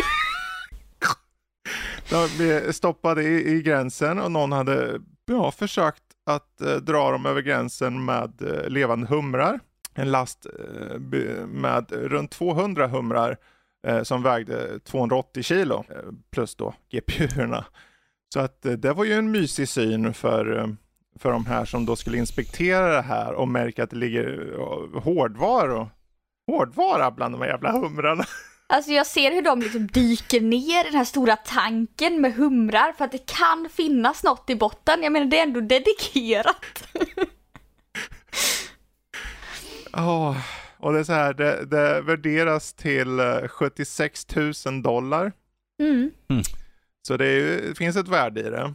Eh, men papp, det här fordonet som kom hade inte tillräckligt till, tillgängliga papper och grejer, så de vart lite så här lite sus. De bara, nu ska vi kolla här. Och så kikar de och så kollar de bland humrarna och humrarna bara, åh, GPU! Nej. uh, ja, av alla saker.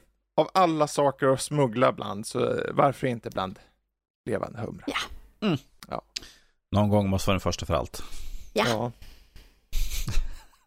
Jag vet ju minst en hummer bara, det där är ju ingen 4090. det är fan illas. Uh, men vi hoppar vidare. Nu är frågan, ska vi ta vad vi har spelat först eller ska vi ta lite Q&A för podden först? Vi kan ta en Q&A ja. först. Kan vi ta ja, vi har några frågor här. Uh, det, har ju var, det har ju gått ett tag sedan vi hade, jag tror vi missade den här ursprungliga frågan här, kom redan i början på maj, men vi har missat den och sen så gick tiden och ni vet allt det där. Så uh, Billy skrev, läste att Fortnite blivit en officiell olympisk e-sport med just Just Dance och Gran Turismo. Vad tycker ni om e-sport som del av OS och vilka spel skulle ni personligen vilja se som OS-spel? Uh, jag är förvånad att ingen har uh, sagt typ uh, eh, CS eller något, men det kanske har varit någon gång. Det är väl den, det tråkiga svaret kanske. Jag tycker det hade varit roligare om det hade varit typ, vad kan det vara, Titanfall 2. Titanfall 2. Ja, men det är lite spännande just Jag visste inte att eh, Just Dance och eh, Gran Turismo var eh, OS-sporter. Men jag tycker det är väldigt roligt för att just, just ja. Dance, ja men dans som OS är ja, egentligen inga konstigheter liksom. Uh, men jag hade velat se det här. Jag tänker jag ska googla detta sen. För att det, det är, mm. ja, spännande. men då, att Fortnite, det alltså det är en så stor grej, så varför inte? Mm. Känner väl jag. Uh, ja. Sen är det ju, kommer det till slut bli så mycket e-sport i olympiska spelen så att det är 50-50. Och blir det då e-sports olympiska, ungefär som vi har vinter och sommarolympiska. Mm. Eller vad kommer hända där? det är en bra fråga. Mm. Ja, mm. finns det något spel du känner norsken som uh, du känner, men det här vore ju bra att ha i e-sports uh, OS? Oh, uh, jag säger bara Unreal Tournament. Ah, ja, Go jo, back det... to the originals. Precis. Sitter någon 40 plus och nu ska vi se. Uh, ja, jag skulle vilja säga något, ifall det ska vara någonting för att få lite variation, typ något Street Fighter eller mm. något sånt där. Mm. Uh, Street Fighter 2 Super Turbo det är också uh, Back to the ja, alltså, beginning. När är OS förresten? Ja, noll koll. Jag har ingen koll på när OS är. Men jag tänker Street Fighter, men om de ändå släpper ett nytt i år och folk hinner träna upp sig på det, mm. så varför inte ha med något sånt? Men det är också lite spännande för man i så fall kör nya Street Fighter varje gång det släpps mm. ett nytt. För att i spelserier så liksom, hur gör man? Eller blir det liksom the one and only. Eh, för då är det ju mycket lättare Ja. att träna upp sig, men mm, Ja, för det undrar jag ju då för Just Dance, har, de, har ni 2021 års version eller 2022? där antar jag ju Och att det är den nyaste. Gran Turismo då? Ja, Gran Turismo 1, 2, 3, 4, 5, 6, de bara vidare. drar det till höger och så får man hoppas att man kan det.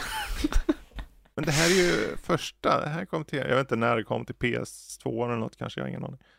Superantikt. Ehm, ja, jag vet inte fan. Om det finns någon så här tydlig spel så. För Fortnite, jag hade väl inte gått på Fortnite själv så där, men å andra sidan sett till hur många som spelar så är det ju uppenbarligen Mm. på rätt spår där. Som du är Men vi på. kör Wii Sports. Det, Wii Sports. ja, det har ju till och med sport Ja, i namnet, så det måste ju in Självklart. i OS ju. Ja. ja, ja, men det, det kanske är svar på tal där. Räcker det kanske. Mm. Ja. Då hoppar vi vidare. John Levin har här också en fråga. Om en månad är fake E3. Är, är, är det fake, fake E3? Det är Sony Playstation hoppas jag i alla fall. Han skrev det här början på maj så att ja, det blir en. Om en vecka. Men i alla fall eh, Xbox, Ubisoft, Summer Game Fest och annat har premiär. Några spel ni tror sannolikt kommer visas och några spel som ni skulle drömma om skulle visas men sannolikt inte. Tack för en bra podd. mm. Okej, det är ju två frågor. Eh, av alla de här eventen som kommer, eh, finns det några spel som vi sannolikt tror kommer visas? Starfield vet jag kommer visas, det Ja. kan jag ju säga. Och jag menar, Eh. Eh, vi har ju nu som sagt eh, Playstation här nu på onsdag som sagt. Och Mm. där var det i alla fall Spiderman 2 som kommer visas upp där. Så att det, det kommer redan De har bekräftat det officiellt alltså? Nej, alltså det är ju den, den tro, mest troligaste Ja. som, som alla där ute har sagt liksom att det största Ja, för det har ju sannolikheten- läckt om datum och grejer. Precis, och det, och det har varit liksom Om att troligtvis liksom Spiderman 2, för det liksom, det är en av deras större spel ju som vi vet om i alla fall nu. Mhm. Men, uh, hmm. Eh, jag, jag tänker ta som inte, inte kommer visas upp eller något sånt där som jag skulle vilja. Det är liksom, som Fredrik sa förut, Fable. Mm. Ges ett nytt Fable. Vi har väntat så länge, det är så mycket som har liksom, "Det- nu är Fable under utveckling. Nej, nu är Fable är inte längre under utveckling. Ja, men nu har vi ju bytt till någon annan som ska göra Fable. Nej, det är ingenting som händer där. Så. Mhm, Jag tror Playground Games var hela tiden på Ja, jag tycker att det är upp och ner och man bara, vem gör vad för någonting? Men eh, Fable, men jag tror inte det kommer visas upp. Nej, och alltså det utannonserades ju innan det hade riktigt, det var ju bara så här i konceptfasen Mm. liksom då. Och det är Play, Playground Games som håller på med det. Men de har ju släppt två spel sedan dess Mm. i Horizon Zero. De kommer ju förmodligen släppa Motorsport i höst. Ja. Eller nej, det kanske är en annan studio som gör den förresten. Men eh, de har i alla fall släppt både expansion och Forza Horizon eh, 5, eller vilken del det var. Så att eh, de, jag vet inte hur mycket resurser de har satt på Fable. Så där, där, där har du nog rätt i, det är nog en mindre sannolikt kanske. Även om de kan visa en title screen, men jag vet inte vad det skulle hjälpa. Folk vill ju ha gameplay nu. De visar ju Eh, den där videon då, när det Precis. begav sig. Eh, som jag skulle gissa på sannolikt, och det här är nu från Ubisoft, det, är som, det har varit så mycket läckor Mm. om Assassin's Creed Mirage, eh, där det släpper i november. Så att jag tror att de borde visa upp tidigare, men att som senast på Fake E3 som vi kallar det nu här, att de måste visa upp spelet nu. Eh, de kan inte vänta liksom längre. För ifall det släpps i november så är det liksom i sista laget egentligen att få ut någon, någonting där egentligen. Ja, Ja, Jag menar, jag, jag menar, jag har haft det här förhandsbokat i snart ett år, liksom det här spelet nu, så... Ge, ge mig lite mer kött på benen den här förbenade liksom du cinematic. hittar mot himlen. Och... Jag har båda händerna upp så här. Jag drar fram min käpp. Yeah. Kasta mot ett moln. Precis. ja. Ja. Nej, jag hoppas ju alltid på att det ska bli en liten, vad ska man säga, indiebubbla i allt detta stora spel och det är mycket utannonserat och sådär. Så är det ju en del ibland som slänger in något litet, just i de små studiosarna som, ja men, ibland en person eh, får glänsa lite och kanske få en chans att bli en pärla som folk faktiskt upptäcker.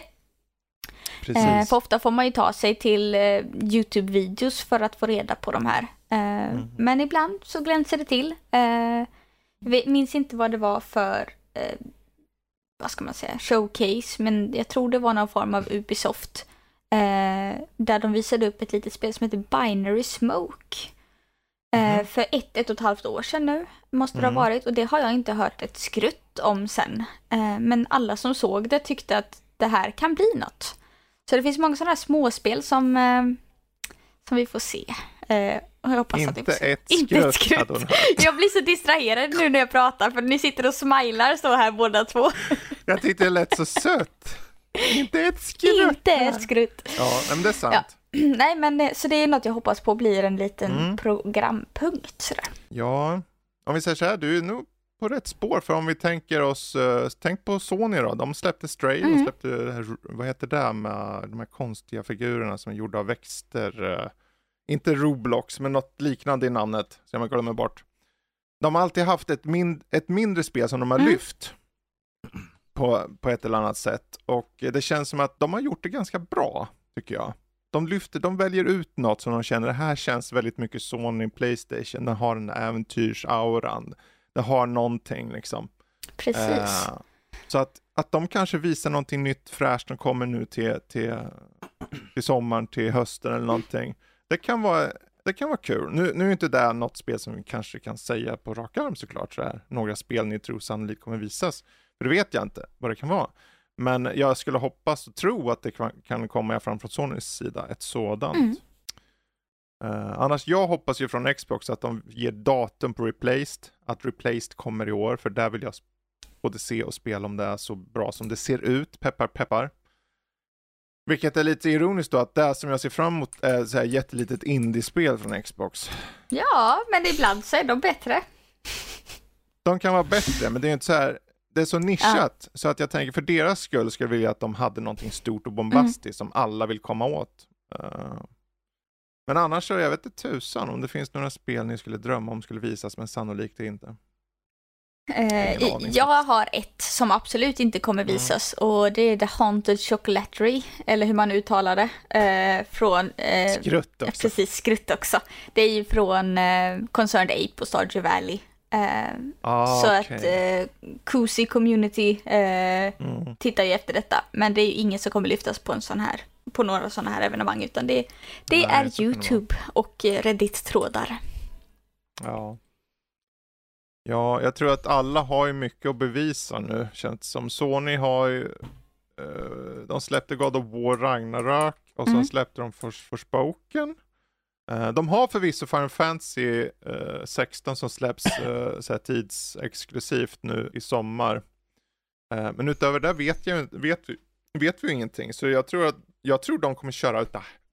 Alltså det eventet tror jag kommer vara fett, peppar peppar. Jag hoppas Eh, vi jag blir att de- överraskade. Ja, jag, jag, jag har en känsla av att det kommer vara feta titlar där. Sen om alla titlar kommer i år, det gör de ju inte.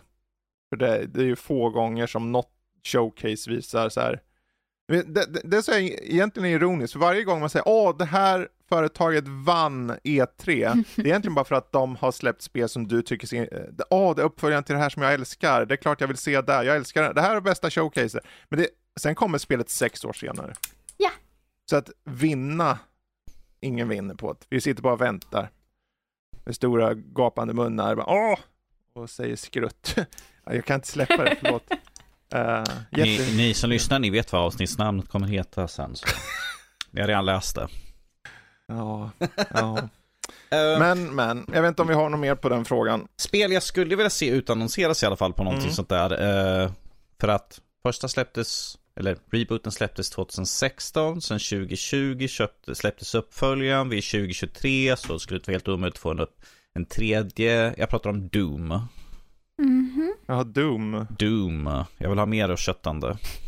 Ja, alltså det är ju en tidsfråga. Mm, för att som sagt, ifall vi följer cykeln som vi har haft 2016, 2020 och vi är 2023 just nu så nästa år i så fall ifall de följer liksom fyra års cykel. Ja.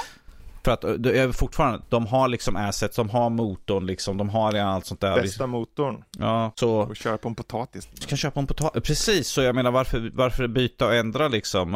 Ehm, jag menar, den, den är perfekt för vad den är till för. Så jag menar, ge oss bara en härlig köttig story där vi kan mosa och stampa zombies skallar höger och vänster. Ja. Det är storyn vi vill ha i Doom. story. Ah, Till och med huvudkaraktären lite, skiter lite, i story. lite story måste man ha för att kunna Ja. liksom bara föra vidare. Det finns så. ju indirekt en story, när han själv säger att det inte finns en story så blir det ju en story av det. Mm. Det är ganska kul att det är så här meta. Eh, väldigt mycket meta faktiskt. Doom Eternal var ju sjukt meta. Ja, men det är bra exempel. Jag vet inte om det finns några så här sannolikt eh, inte kommer visa som jag drömmer om, men eh, jag hade ju drömt om att de skulle kunna visa upp uppföljaren till Elder Scrolls. Jag hade kunnat drömt om ett nytt Fallout. Jag hade kunnat drömt om både det ena och andra. Men jag, kun, jag hade gärna drömt om att få den där remaken på Kotor. Men alla de här spelen är långt, långt bort om de ens kommer. Så att eh, det är ingen idé att drömma. Ja. Vi- Det blir vad det blir. Så är det. Vi hoppar vidare istället. Så tar vi hoppar in lite på vad vi har spelat och sett och sånt. Eh, och eh, jag tänker vi kan väl hoppa på norsken här. Och Ska vi, ska, vi, ska, vi hoppa, ska vi hoppa på mig? Varför Jag då? vill hoppa på norsken. Boink, boink, boink, boink, boink. Och du säger vad då? Jaha, jag tror du skulle säga skrutt. Jaha. Skruttans bananer! Men Danny, vad, finns det något du vill eh, belysa här som du har um, manglat lite? Något jag vill belysa utav de jag har liksom skrivit Mm. upp menar du i så fall? Ja, Eh, någon som står ut liksom. eh, vi kan ju, ja, vi kan ju bara, vi pratade ju om det här förut, men Redfall. Mm. Sicken skitmacka det var egentligen. Alltså, tekniska problem deluxe skulle jag säga liksom. Med stuttering, framerate drops, liksom kra- hårdkrascher liksom.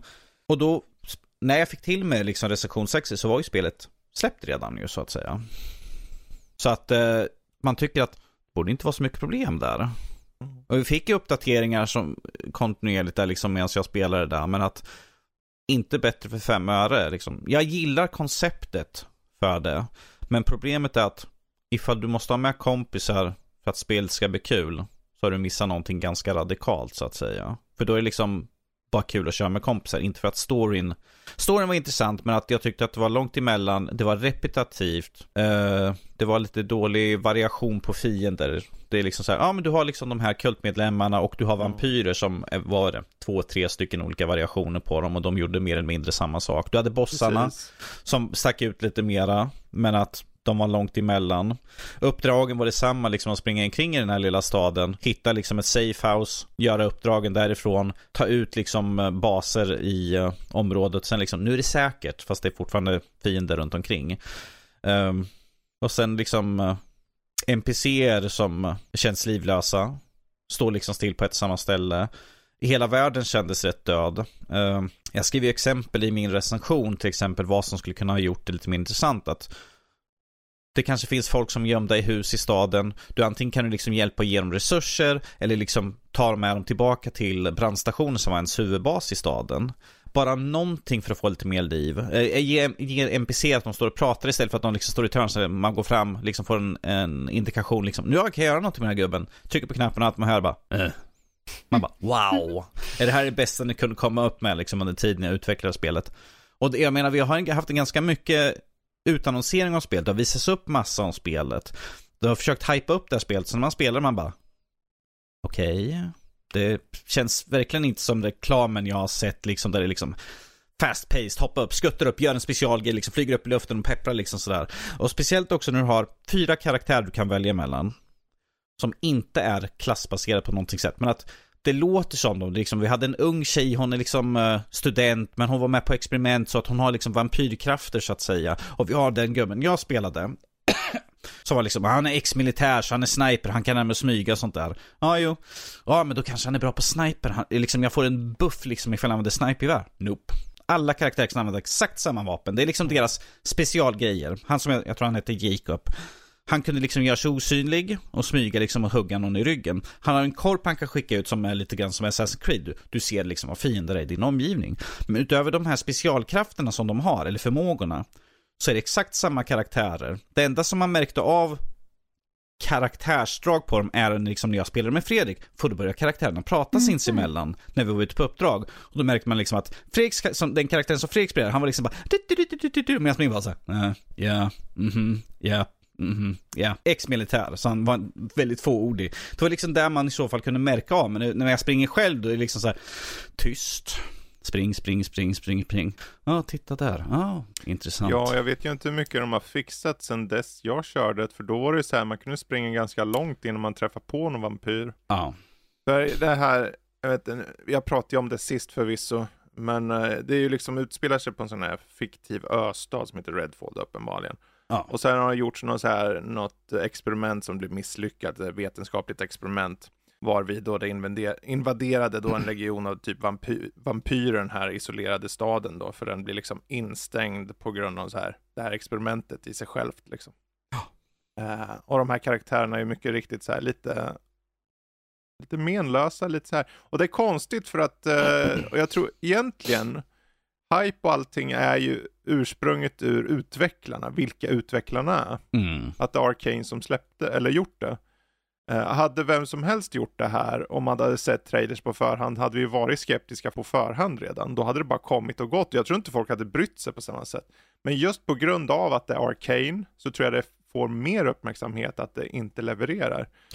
Eh, Jag menar, jag har sett folk som har spelat själv eller med kompisar haft relativt kul. Jag menar, kör med kompisar kan vad som helst bli kul ibland. Mm. Typ som Alien Colonial Marines eller Redfall eller vad fan som helst liksom. Ja. Men du måste ju få spelare att vilja komma tillbaka och här finns det ingenting. Jag, jag menar, Typ jag, jag tog ju deras exempel på Arcane, alltså en del av Arcane. Det här, jag kommer inte ihåg vilka de utav Arcane som det här var, som gjorde det här spelet. Men att jag tog ju upp Prey och Deathloop, vilket de Mm. båda har liksom fått toppklass och bra köp ifrån mig. Och det här spelet är liksom ett, jag vill inte starta upp det igen. Jag vill inte köra vidare.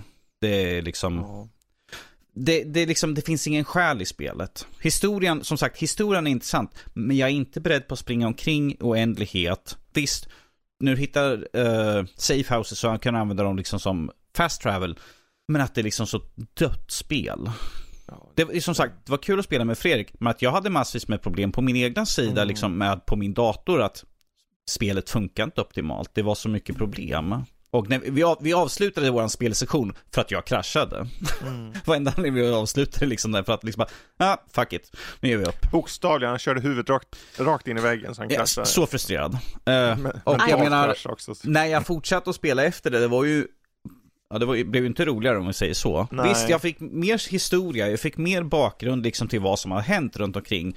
Eh, eh, för att du väljer dina uppdrag så liksom grenar det ut till nya, liksom, så, nya uppdrag man kan göra där man får en, en liten bit av kakan här och där liksom för att kunna liksom bygga ihop till varför allting har hänt och hur man ska göra för att liksom få bort det. Men att så lite och ska vi ta mellansekvensen, vilket är liksom statiska bilder där de har liksom en, en platt bild med liksom lite rörelsegrejer de panorerar över, där man liksom hör en voiceover, man bara okej, det känns inte som ni har riktigt lagt ner själ i det här, ifall ni har liksom tråkiga statiska sådär. Ja, att, särskilt med tanke på kontrasten mot de filmer som släpptes då när de visade på E3 och så. precis. Som var liksom rena CGI-filmer som såg ganska så här, påkostade ut. Ja, Och sen har de inte kostat på sig något alls. Men eh, ja, det, undvik det då. Jag tänker vi kan gå vidare till något annat som är kanske mer roligt. något mer roligt sådär. Ja. Eh, så, och nu, nu är jag ju sjukt nyfiken. Vickis. Skrytt också. Tears of the Kingdom. I want to hear it all. Är det här som alla säger det bästa spelet som har släppts någonsin? Ja. Nej. Eh, Ja, det är så många som har sagt så här, det här är ju typ det bästa på ett decennium eller någonting har folk sagt. Jag, jo. jag har inte kört tillräckligt mycket för att säga bu eller bä. Liksom. Jag har inte heller hunnit så mycket som jag hade önskat eh, med allt som har hänt nu senaste veckan och sådär eh, hos mig på privatfront. Men det känns ju verkligen som att de har tagit allt som alla älskade med Breath of the Wild och så har de gjort mer utan att det känns som att det är mer av samma. Utan du får fortsätta på något sätt. Alltså du vet den här känslan av att du ser färdigt en film, läser ut en bok, spelar färdigt ett spel och du vill egentligen ha mer. Och det är verkligen det som Tears of the Kingdom ger oss, eh, tycker jag. Okej, Mer av det Mer goda. av det goda. Och så har de utvecklat och gett små detaljer som gör att du, eh, det är något nytt att upptäcka lite överallt. Mm. Och det gör ju verkligen den här känslan som, vi, som jag hade i alla fall i Breath of the Wild. Åh, vad är det där borta? Åh, här finns mer att upptäcka. Här är Mm. mer saker. Eh, så jag, eh, ja, kan inte ge någon full eh, liksom, utvärdering så, men eh, än så länge så är det ju allt som jag ville ha. Verkligen. Ja, jag slog, jag körde, jag körde bara en timme eller något, en timme kanske. För jag hann inte köra så mycket, sen kom andra spel i vägen. Uh, och jag, tycker, jag tyckte om att de har fört in den här building crafting mm. elementet i det. Fast ändå på jag ett sätt så att man inte måste. Eh, Nej, precis. Ja. Alltså utforskandet är ju det som verkar vara i fokuset. Men att du får utforska som du vill lite, verkar det som. Jo, för sen när du kommer ner, det är klart att det är en viktig del av shines och sådär och lösa pussel. Men precis som förut, du kan lösa den då. Alltså det är ju upp till mm. dig hur du löser problemen. Precis. Ja, jag tyckte också det verkade starkt i början. För jag, jag kom all, jag kom aldrig in i Breath of the Wild. Jag tyckte det inte hade någon story som på mm. något sätt var intressant. Men här var det direkt story däremot. Det var direkt satte mystiken, det satte... Eh, som sagt, jag har kört väldigt kort, så jag kan inte uttala mig för mycket. Eh, men, och sen då det här byggaspekten som påminde lite om typ Trailmakers. Ett, eh, ett äldre spel där man kan föra samma saker och bygga fordon. Jag bara, okej, okay, om det här, jag gillar ju sånt. Så att uh, jag, jag, ser fram emot att köra mer också faktiskt. Uh, ja. Det enda jag slogs av var att, att det var väldigt mycket, Danny kanske gillar det här. Jag, jag bara, det här känns ju väldigt mycket Assassin's Creed. För Link, han klättrar fan på ja. allt. Ju fort du nuddar något, då, bara, då börjar han klättra. Jag bara, åh, det här måste du testa Danny. För du kommer gilla det här tror jag. Jag tycker om att kunna klättra utan att bli andfådd halvvägs upp. Ja. Eller slåss med ett vapen som går sönder. Ja, nu kan du ju bygga typ vapen som blir ganska feta, mer eller mindre. De går, så, tar, plockar upp en pinne på marken så går den ju sönder. Men om de sätter på några element på den, liksom, där, piff, då blir den jävligt stark istället. Av det lilla jag testar och sen tror jag det blir säkert mer. Om jag fäster det här svärdet på min pinne. Ja, jag tror fan det, Ja, alltså det jag har hört folk som har fäst mig. svärd på svärd, vilket blir väldigt komiskt, ja. Eh, med ett extra långt svärd. Eh, och lika så... Jag ska peta ut ditt öga. lite så långt där borta. ja, nej, så att... Eh, mm. ja, men vi får ju säga, putta pin in that och följa upp på att jag hoppas ju kunna köra ett... Jag varit lite så här, tänk, oh, det kändes så stort bara jag varit lite så här, jag behöver ha någon lite mer constrained just nu. Så jag gick ifrån det av den anledningen, inte så mycket på grund av att jag kände att det var dåligt på något mm. sätt. Men känner, oj, det här är säkert 80 plus. Jo, men det är ju plus. lite så, man ska sätta sig in i det och sen fortsätta spela, precis som andra ja. Zelda-spel. Uh, för även om det är öppet har, och fritt så, ja men, du måste spela jag det. Jag säger så här, om ni mot förmodan har open world fatigue så ska ni nog ta det lugnt med det här. Uh, det är väl det enda jag kan säga initialt så, av mina första intryck. Tears of the Kingdom just nu, uh, huvudhistoria, 50 timmar i runda drag. Det är nog väldigt konservativt. Då. Ja, jo. Jag tänker completionist 123 timmar. Ändå, inte mer. Mm. Som sagt, det är ju väldigt tidigt. De har inte mång... träffat Louise. ja, gud ja. ja, det... Vad ja. 500 timmar eller något. Ja, nej, men jag tyckte om det här när de har liksom en introdel precis som i ettan där det var på The Great Plateau. Mm. Fast den här blir ännu mer avgränsad, om man ska säga, som du börjar upp i himlen. Och då var det verkligen det där, du är fri! När du fick lämna mm. det här och ut i världen och se allt. Mm. Det var, eh, nej, det är mäktigt på något sätt. Ja, jag tycker ju om open world-spel så jag ser fram emot att testa mer också. Men eh, bra, vi får följa upp på den. Jag vet ju att Jesper också säkerligen har både det ena och andra säger Sen får vi väl ut en recension på det inom kort. Ja, Mattias arbetar på det. Uh, han kommer få lite extra tid. Jag vill att han ska klara av det helst. Uh, Four years later. jag är klar! Years later. Här, korra. ja, men typ så. Uh, jag ser fram emot väldigt mycket att se vad han tycker mm. också. Um, men bra, jag kan väl hoppa över till det som jag har suttit med då. Eh, det är ju Star Wars Jedi Survivor eh, som jag har suttit med och det är ju egentligen ungefär, det finns ju det finns ju open world element i det här också kan man väl säga. Du tar ju över, du har två stycken större planeter som du tar över och skillnaden är egentligen att det är lite mer Metroidvania då. Du låser upp olika sessioner så du kan ta dig tillbaka lättare eller gå tillbaka till den punkten sen om du kommer tillbaka och så. Men de följer framförallt upp på storyn mer eh, från föregående spel. Eh, jag kommer inte spoila någonting från föregående spel, men Cal Kesti som det handlar om då eh, försöker fortsätta att slåss mot Imperiet. Eh, han har inte längre sin, sitt gäng av kompisar utan han i det här spelet träffar på en ny fiende kan man säga, eh, varpå han då samlar ihop de här vännerna och nya karaktärer eh, i, i jakten på en speciell hemlig planet som innehåller ett jedi-tempel, allt jag säger. Um, det är ju väldigt mycket Metroidvania, det är väldigt mycket Titanfall, springa på väggar typ sådär. Uh, man skulle kunna säga att det är väldigt mycket Prince of Persia till och med. Har de gjort uh, det på ett bra sätt eller ramlar man ner hela tiden? Alltså hur bra plattformer måste man vara för att kunna köra det här? Jag vet inte vad premissen för en dålig plattformarperson är. jag, jag kör ju, eller definitionen då liksom, om man är väldigt noob så är man väl nog svårt med allt i det här tror jag. Men jag, jag upplevde det som väldigt enkelt, mm. eh, plattformandet. Um, han, allting är väldigt, eh, gränssnitt och allting är väldigt tydligt. Ah. Uh, och, och, så. Det skulle vara, för du, byt, du har nämligen olika stances också, så det egentligen är det bara i combat som det skiljer sig från föregående spel, att du har så kallade olika stances.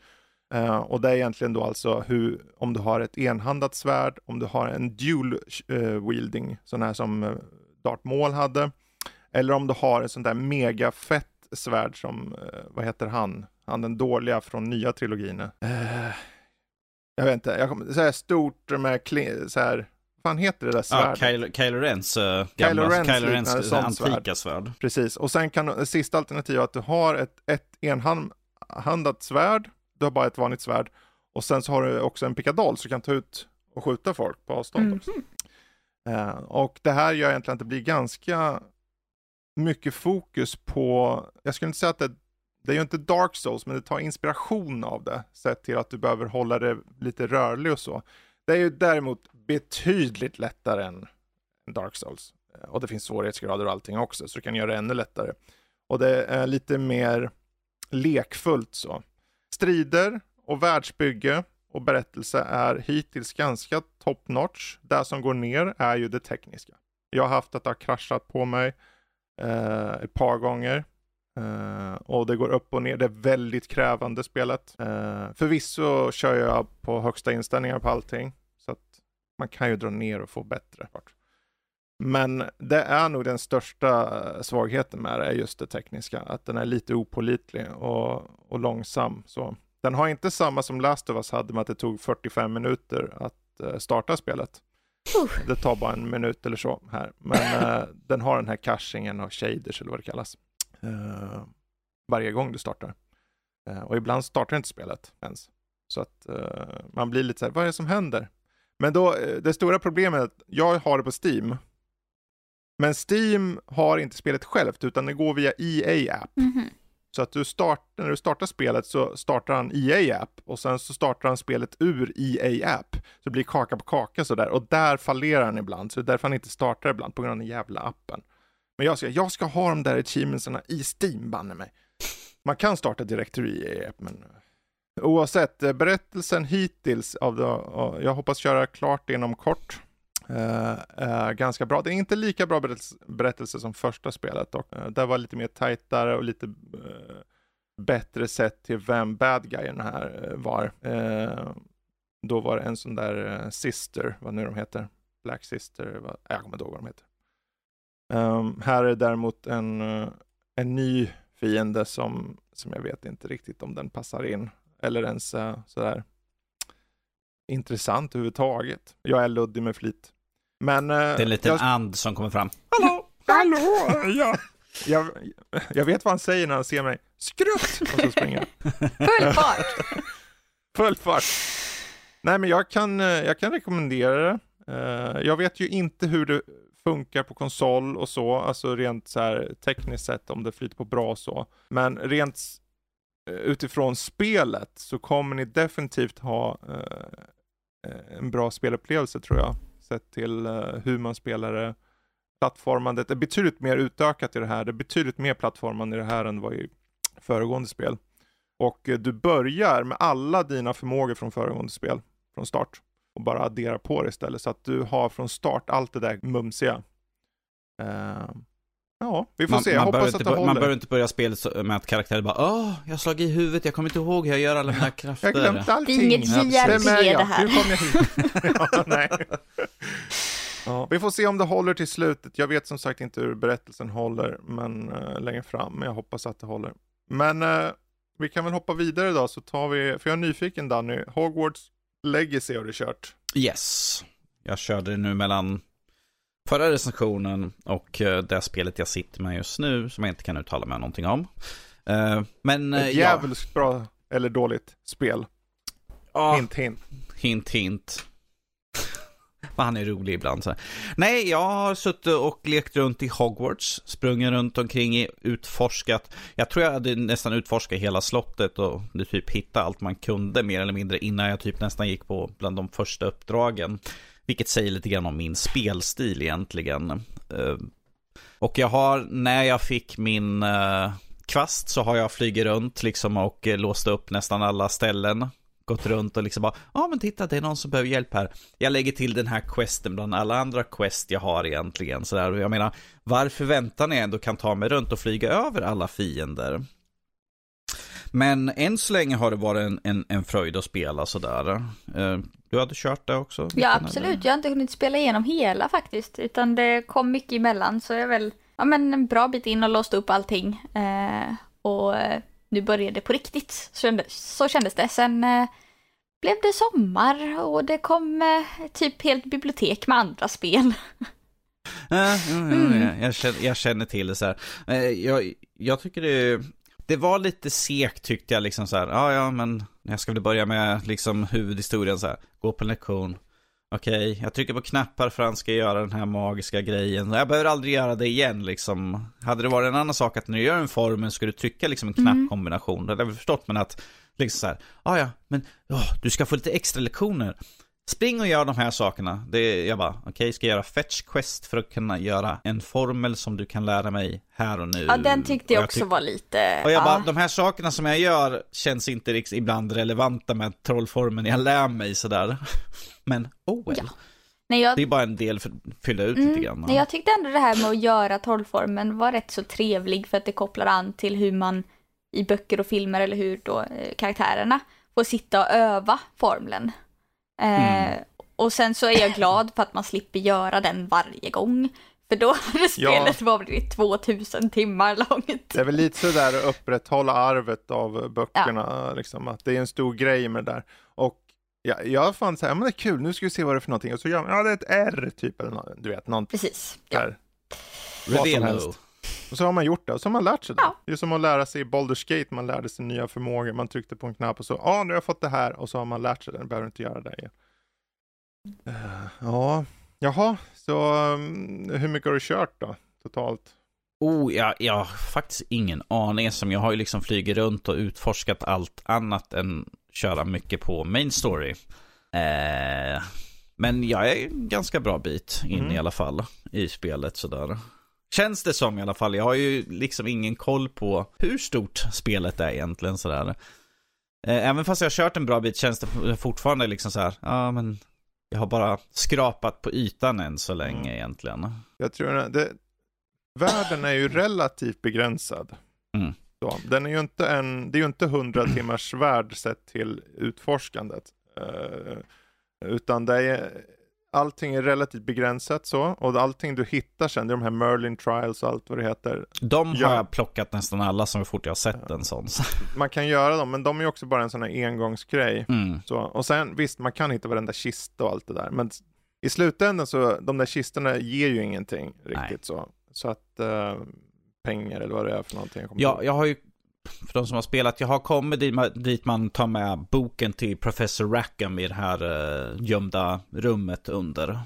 Ja, okej. Så där är jag och har, ska påbörja nästkommande, liksom de här, hans trials så att säga, för att visa att han är värdig. Jag säger så lite för att vara lite luddig. Ja, just det. Så där är jag i, i själva huvudhistorien i alla fall. Men att resten av världen har jag typ utforskat majoriteten sedan när jag kunde börja flyga. Se, är det första eller andra de där gamla lärarna? Det är säger? Professor Rackham är han första som man Ja. stöter på som visar upp sig. Okej, Han som är huvudtrollkarlen Mm. utav dem så att säga ju. just det. Jag tycker det är lite antar- roligt just där hur man utforskar hela världen. Jag har hört många som har gjort det eh, och råkat utforska det baklänges.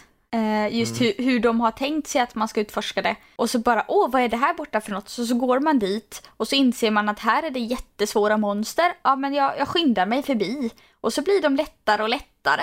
Eh, desto längre man kommer. och inte för att man Okej. levlar upp utan jag har gått fel håll.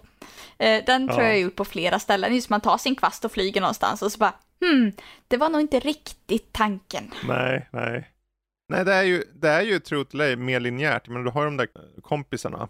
eh, och de ger ju vissa uppdrag så att säga. De har ju ett par spår man följer.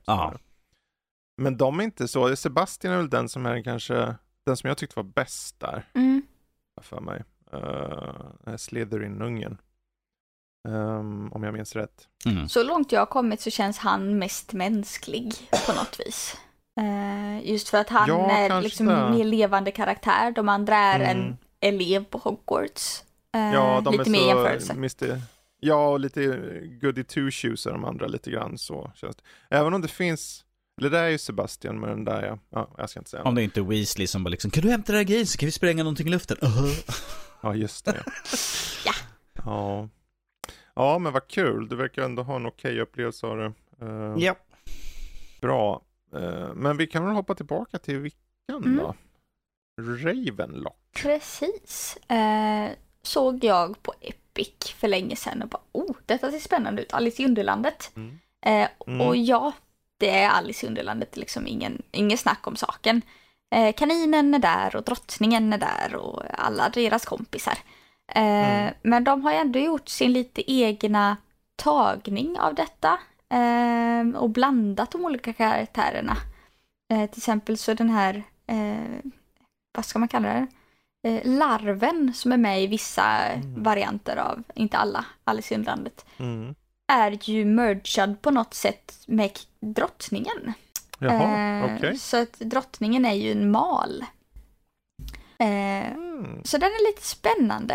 Eh. Och jag har kört den på PC. Eh, Och Mm. min recension kommer ut nu i dagarna här. Men även om det är ett väldigt härligt spel, alltså det är smidigt, du springer runt och du får upptäcka en värld. Eh, så är det någonting som gör att det, det blir lite med. Alltså det sticker Mm. inte riktigt ut. Det har en spännande 3D-voxel, konstig stil. Men inte tillräckligt udda. Eh, och striderna är okej, väldigt enkla och väldigt sådär, det, det, det liksom gör inget intryck på en tyvärr. Eh, men det, det är sådär ett mysigt spel, man kör en helg, det är fyra, fem timmar. Eh, ja, Ja, det är inte nej. längre än så. Eh, sen så är det ju Jag- knixighet med kameravinkeln. Vi spelade ju lite ihop för någon vecka sedan nu. Mm. Och du kan ju bara vrida kameran ytterpyttelite åt alla håll. Så du kan ju liksom inte vända dig om. Eh, vilket gör att din fiende kan hamna utanför kameran. Och fastna utanför kameran. Eh, och det är ju lite problematiskt när du inte ser när fienden attackerar till exempel. Utan du får bara springa lite på måfå. Jag förstår inte varför de gör det valet Nej, och när man kommer längre in i spelet så funkar det för då går din fiende alltid tillbaks till sin utgångspunkt i olika liksom våg, alltså i våg så. Eh, Men de tidiga monstren vill ju bara fram till dig så de går ur bild. Eh, Så ja, nej det är verkligen synd att de inte har låtit kameran gå 360 eller låst den. Eh, Så att den hela tiden är Ja, så att du precis. försvinner, du blir mindre liksom, går ur bild. Själv. Men ja, nej det är lite synd, det drar ju tyvärr ner intrycket på hela spelet. Mm. Men det finns ju, Det är väl just... Ja. Finns det någon Ja. version av Cheshire-katten ja, såklart han finns med. Ah, okej. Tyvärr så är han en ytterpytteliten karaktär som bara råkar sitta på en stenmur. Eh, Okej. Vilket är synd när han är mångas favorit, även min. Ja. Det känns lite som blinkar du missan. Lite så. Okej. Det är väl mest just idag när det blir så många spel som kommer ut, det är så många som är snackisar så att den där konkurrensen är så mördande hård så att ett spel har inte råd med att vara bara okej. ens. Nej, tyvärr. Eller i det här fallet mer med. Mm. Alltså, det är synd för jag kollar, jag kommer ihåg vi titt, vi körde ju det här under Nördlivträffen eh, och jag slogs av att ja, men jag tycker det ser schysst ut. Jag har, det har en intressant art design lite grann Ja. så. Men Alice i Underlandet är ju ett sånt här koncept som har gjort 7000 gånger känns det som. Det känns inget fräscht med det. Och det kändes inte heller fräscht med hur spelet spelades. Sen att den hade den här konstiga kameran också. Så här. Det finns för många spel som är för mycket, alltså bättre. Mm. Att, sen, för, enda fördelen, om, om det nu är 4-5 timmar skulle jag säga att det är styrkan. Ja, faktiskt. Att man kan köra igenom det och bara få ett litet Mm. äventyr. Men då hänger också på att äventyret ger något. Att det är... Ja, och Så tyvärr så gav ju slutet mig en liten så här, jaha, alltså det, nej, Skrutt. skrutt också. Nej, jag var inte så frustrerad, jag bara, ja, skrutt. Jaha. En axel. Ja. Ja. axelryck. Inte ens också, bara skrutt. Det är så Bara skrutt. mediokert. bara skrutt. Ja. Bara skrutt. Nej, men bara däremot skrutt. så med koppling tillbaks faktiskt till Xbox och Xbox Game Pass. Detta känns som Mm. ett perfekt Xbox Game Pass-spel och det finns ju där också. Eh, Mm. Att, ja men jag vet Precis. inte riktigt vad jag ska spela, jag tycker om äventyrsspel, ja men jag kör detta en lördag eftermiddag. Eh, Det är Mm. den typen av spel. Precis. Ja, än en gång, det är svårt. Jag menar, du, säg att du sitter en lördag eftermiddag. Du har det. Eller Tears of the Kingdom. Ja. Eller Star Wars, eller vilket annat spel som är högprofilerat. Varför ska man ens välja det då? Nej, det är ju är ifall du sitter med bara Game Pass till exempel. Ja, Precis. Och till och med då finns det, Det finns mycket annat att välja. Det, och det är nästan den där svårigheten i att vad ska man välja när det är så mycket? Mm. Ja, du kan välja, du kan välja det här spelet, eller ska du köra Redfall? Jag tror det här Ja, faktiskt. Ja, ja, ja, jag tror precis. Ravenlock slår det. Ja, ingen Ravenlock. Om ni vill ha något kortare spel kanske och lite mer, ni, ni kanske är en superfantast på Alice i Underlandet, då kanske det Det är trevliga miljöer. Ja. Bra, hoppa vidare. Eh, Jag eh, tänkte faktiskt lyfta en dokumentär jag såg eh, som heter Still. Michael J. Fox dokumentär. Som följer den gode Michael J. Fox mycket riktigt Mm. och utforskar hans egentligen liv. De har fört in på ett ganska snyggt sätt hur, alltså de visar ju saker och ting, ja, det här hände så och så, då använder de gamla klipp av honom och för in på stunderna och får det att kännas ganska organiskt. Mhm. Och han är med och, och gör voiceover för det samtidigt som han är med som en dokumentär. Man får se när han försöker göra voiceover för han har ju eh, MS, eller vad det heter, Parkinsons. Parkinson. Ehm, och där, jag måste säga att det var en väldigt bra dokumentär. Eh, han, egentligen så osar den ju bara positivitet och eh, han är öppen med att ja, jag har skit. Jag, må, jag, jag har ont i kroppen varje dag. Och han går till en sån här professionell tränarsnubb, snubbe som försöker hjälpa honom liksom. Och man ser att varje steg gör ont. Men han tar stegen. Och det är viktigt att hela tiden ta de där stegen. För varje steg du tar så är det ett steg tillsammans med kanske din familj eller med vänner och allt det här. Eh, och för dem är det viktigt att du är kvar och för, för dig är det viktigt att känna att du är kvar. Så att jag, jag fann den välgjord eh, och viktig för den belyser ju Parkinson ganska bra eh, i sig. Men också just resan han har gjort för han märkte av det eh, för väldigt länge sedan, slut på 90-talet märkte han av att han fick eh, den här eh, vad heter det, diagnosen som sa att du har Parkinson. Mm. Och han jobbade ju länge efter det. Eh, och han do, döl, dolde eh, sina liksom tics, eller vad, vad man vill kalla det heter som man har när man har Parkinson.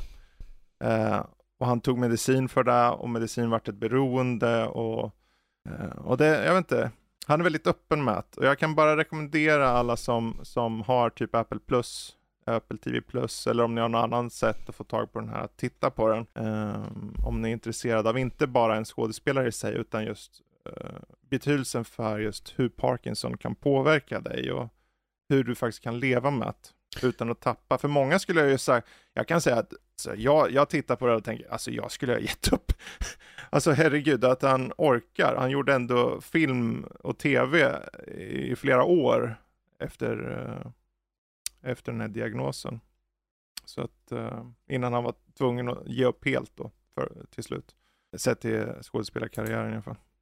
Får, får vi eh, tänka lite grann på den här dokumentären om Val Kilmer ju. Mm. De hade. För Den det är ju också det är hans själv egeninspelade liksom klipp från hans Mm. familj och sig själv och sådana saker. Eh, som liksom visar hans resa, hans karriär och sen liksom när han fick, eh, var det struphuvudcancer eller vad Ja, han något fick? sånt. Eh, Eh, liksom, han liksom också berättar, liksom, försöker berätta, de har ju intervjuer med honom i nutid, men att han kan ju knappt prata ju. Vilket såg Ja, i Top precis. Gun 2 ju, Top Gun Maverick liksom när han är med. Och, Precis. och vad jag förstod så var det inte ens han som pratade då, utan han hördes inte, så de hade någon som voiceade över honom Ja, tydligen. Men jag såg trailern för den här uh, Still och den verkar rätt intressant. Och jag, så jag blev en liten binge på YouTube och kollade liksom för att eh, han, han fick ju någon sån här eh, pris från uh, 13 Governors Award där uh, uh, Woody Harrelson står och pratar liksom och berättar historier liksom saker de gjorde på 80-talet. Sen står han, sen står han framme vid podiet liksom och hans ena hand, den, den liksom smattrar hela tiden och Mm. det står ju som, de har ju som typ Oscarsstatyetter där som de får priserna där. Och han liksom, eh, hans högerhand smattrar och han bara liksom, eh, är det okej, eh, ska vi, är det okej liksom ifall den här står så borde jag liksom ta bort liksom statyetten liksom så här. Han bara, den kommer inte trilla väl? Och istället för att liksom säga nej det är lugnt, så tar han statyetten och Michael Jackson bara, okej ja. lite så här, ser lite lätt förnärmad ut sådär liksom, men att Ja. jag menar, han- han avslutar med liksom, han bara, ja men nu har jag gjort mitt tal och jag är så förvånad att jag har lyckats stått upp hela den här tiden liksom sådär. Han, han är ju väldigt, eh, han har ju god självdistans till det. Han, han som skämtar sagt, ju om det, det är själv. liksom 30 år liksom han har Ja. levt med det här. En riktig utmaning och det är, jag upplevde den som väldigt varm och så här. eh, alltså han, de flesta hade ju gett upp tror jag. Ja. Många hade nog gett upp med, med så som hans liv ser ut idag. Ja, Eh, Men ja. också att han liksom pushade igenom och fortsatte. Sen gick det ju som det gick på vissa sätt då. För han Ja, men han, han är ju men- en av de liksom ledande rösterna för läkemedel mot eh, Parkinson. För han har ju sin egna sån här Michael J. Fox Foundation. Liksom. De Mm. tjänar ju, vad var det, 1,2 miljarder dollar liksom för liksom studier och liksom eh, försöka liksom hitta en lösning på Parkinson som är liksom han och han har ju Åh, vad heter han skådisen nu? Deadpool. Ryan Reynolds. Ryan Reynolds är också en del utav det där. För att hans pappa har Parkinsons. Mm. Så, eh, så att de, är- de är liksom ute och promotar liksom och försöker liksom ge uppmärksamhet till liksom Parkinson. Precis. Ja, men uh, Still i alla fall Mm. rekommenderas för er som gillar lite dokumentärer och kanske just Michael J. Fox i sig. Mm. Bra, men vet du vad? Jag tror faktiskt vi ska börja runda av. Uh, jag tror vi sparar på de sista karamellerna till en annan gång. Uh, nu när jag ser vad tiden är. Och, och, och säger som så att är det så att ni vill ha mer av oss så vet ni hur ni gör. Ni går in på nördliv.se så har ni ju recensioner och ja, allt möjligt där helt enkelt. Um, och är det så att ni vill nå oss på sociala medier så är det ju at nordliv.se. Och för all del är det så att ni faktiskt vill eh, kanske skriva själva någonting till oss eh, lite mer snabbt så att säga så kan man ju använda sig av Discord. Eh, och vår Discord nås ju även den via hemsidan. Det finns en liten knapp där på höger sida som står Connect. Trycker man där så poppar man in. Det är lite upp och ner med hur ofta vi skriver men alltid någon som skriver känns det som. Mm. Så att hoppa gärna in och ta del av det. Så, och slutligen är det så att ni vill faktiskt skriva till oss via mail så går det ju där också då. Då är det info.nullipodcast.se eh, som gäller där. Så tackar vi för oss. Jag vet inte, är det något ni vill avsluta med innan vi går vidare? Någon anekdot? Det var Ett en sista gång skrutt, kanske? sedan. Ett sista skrutt. Ett sista skrutt. Men då så, då tackar jag eh, Vickan, jag tackar Danny och jag tackar för mig. Så hörs vi igen om eh, två veckor. Mm. På det här sättet i alla fall. Yes. Hej då! Hej hej! Toodaloo.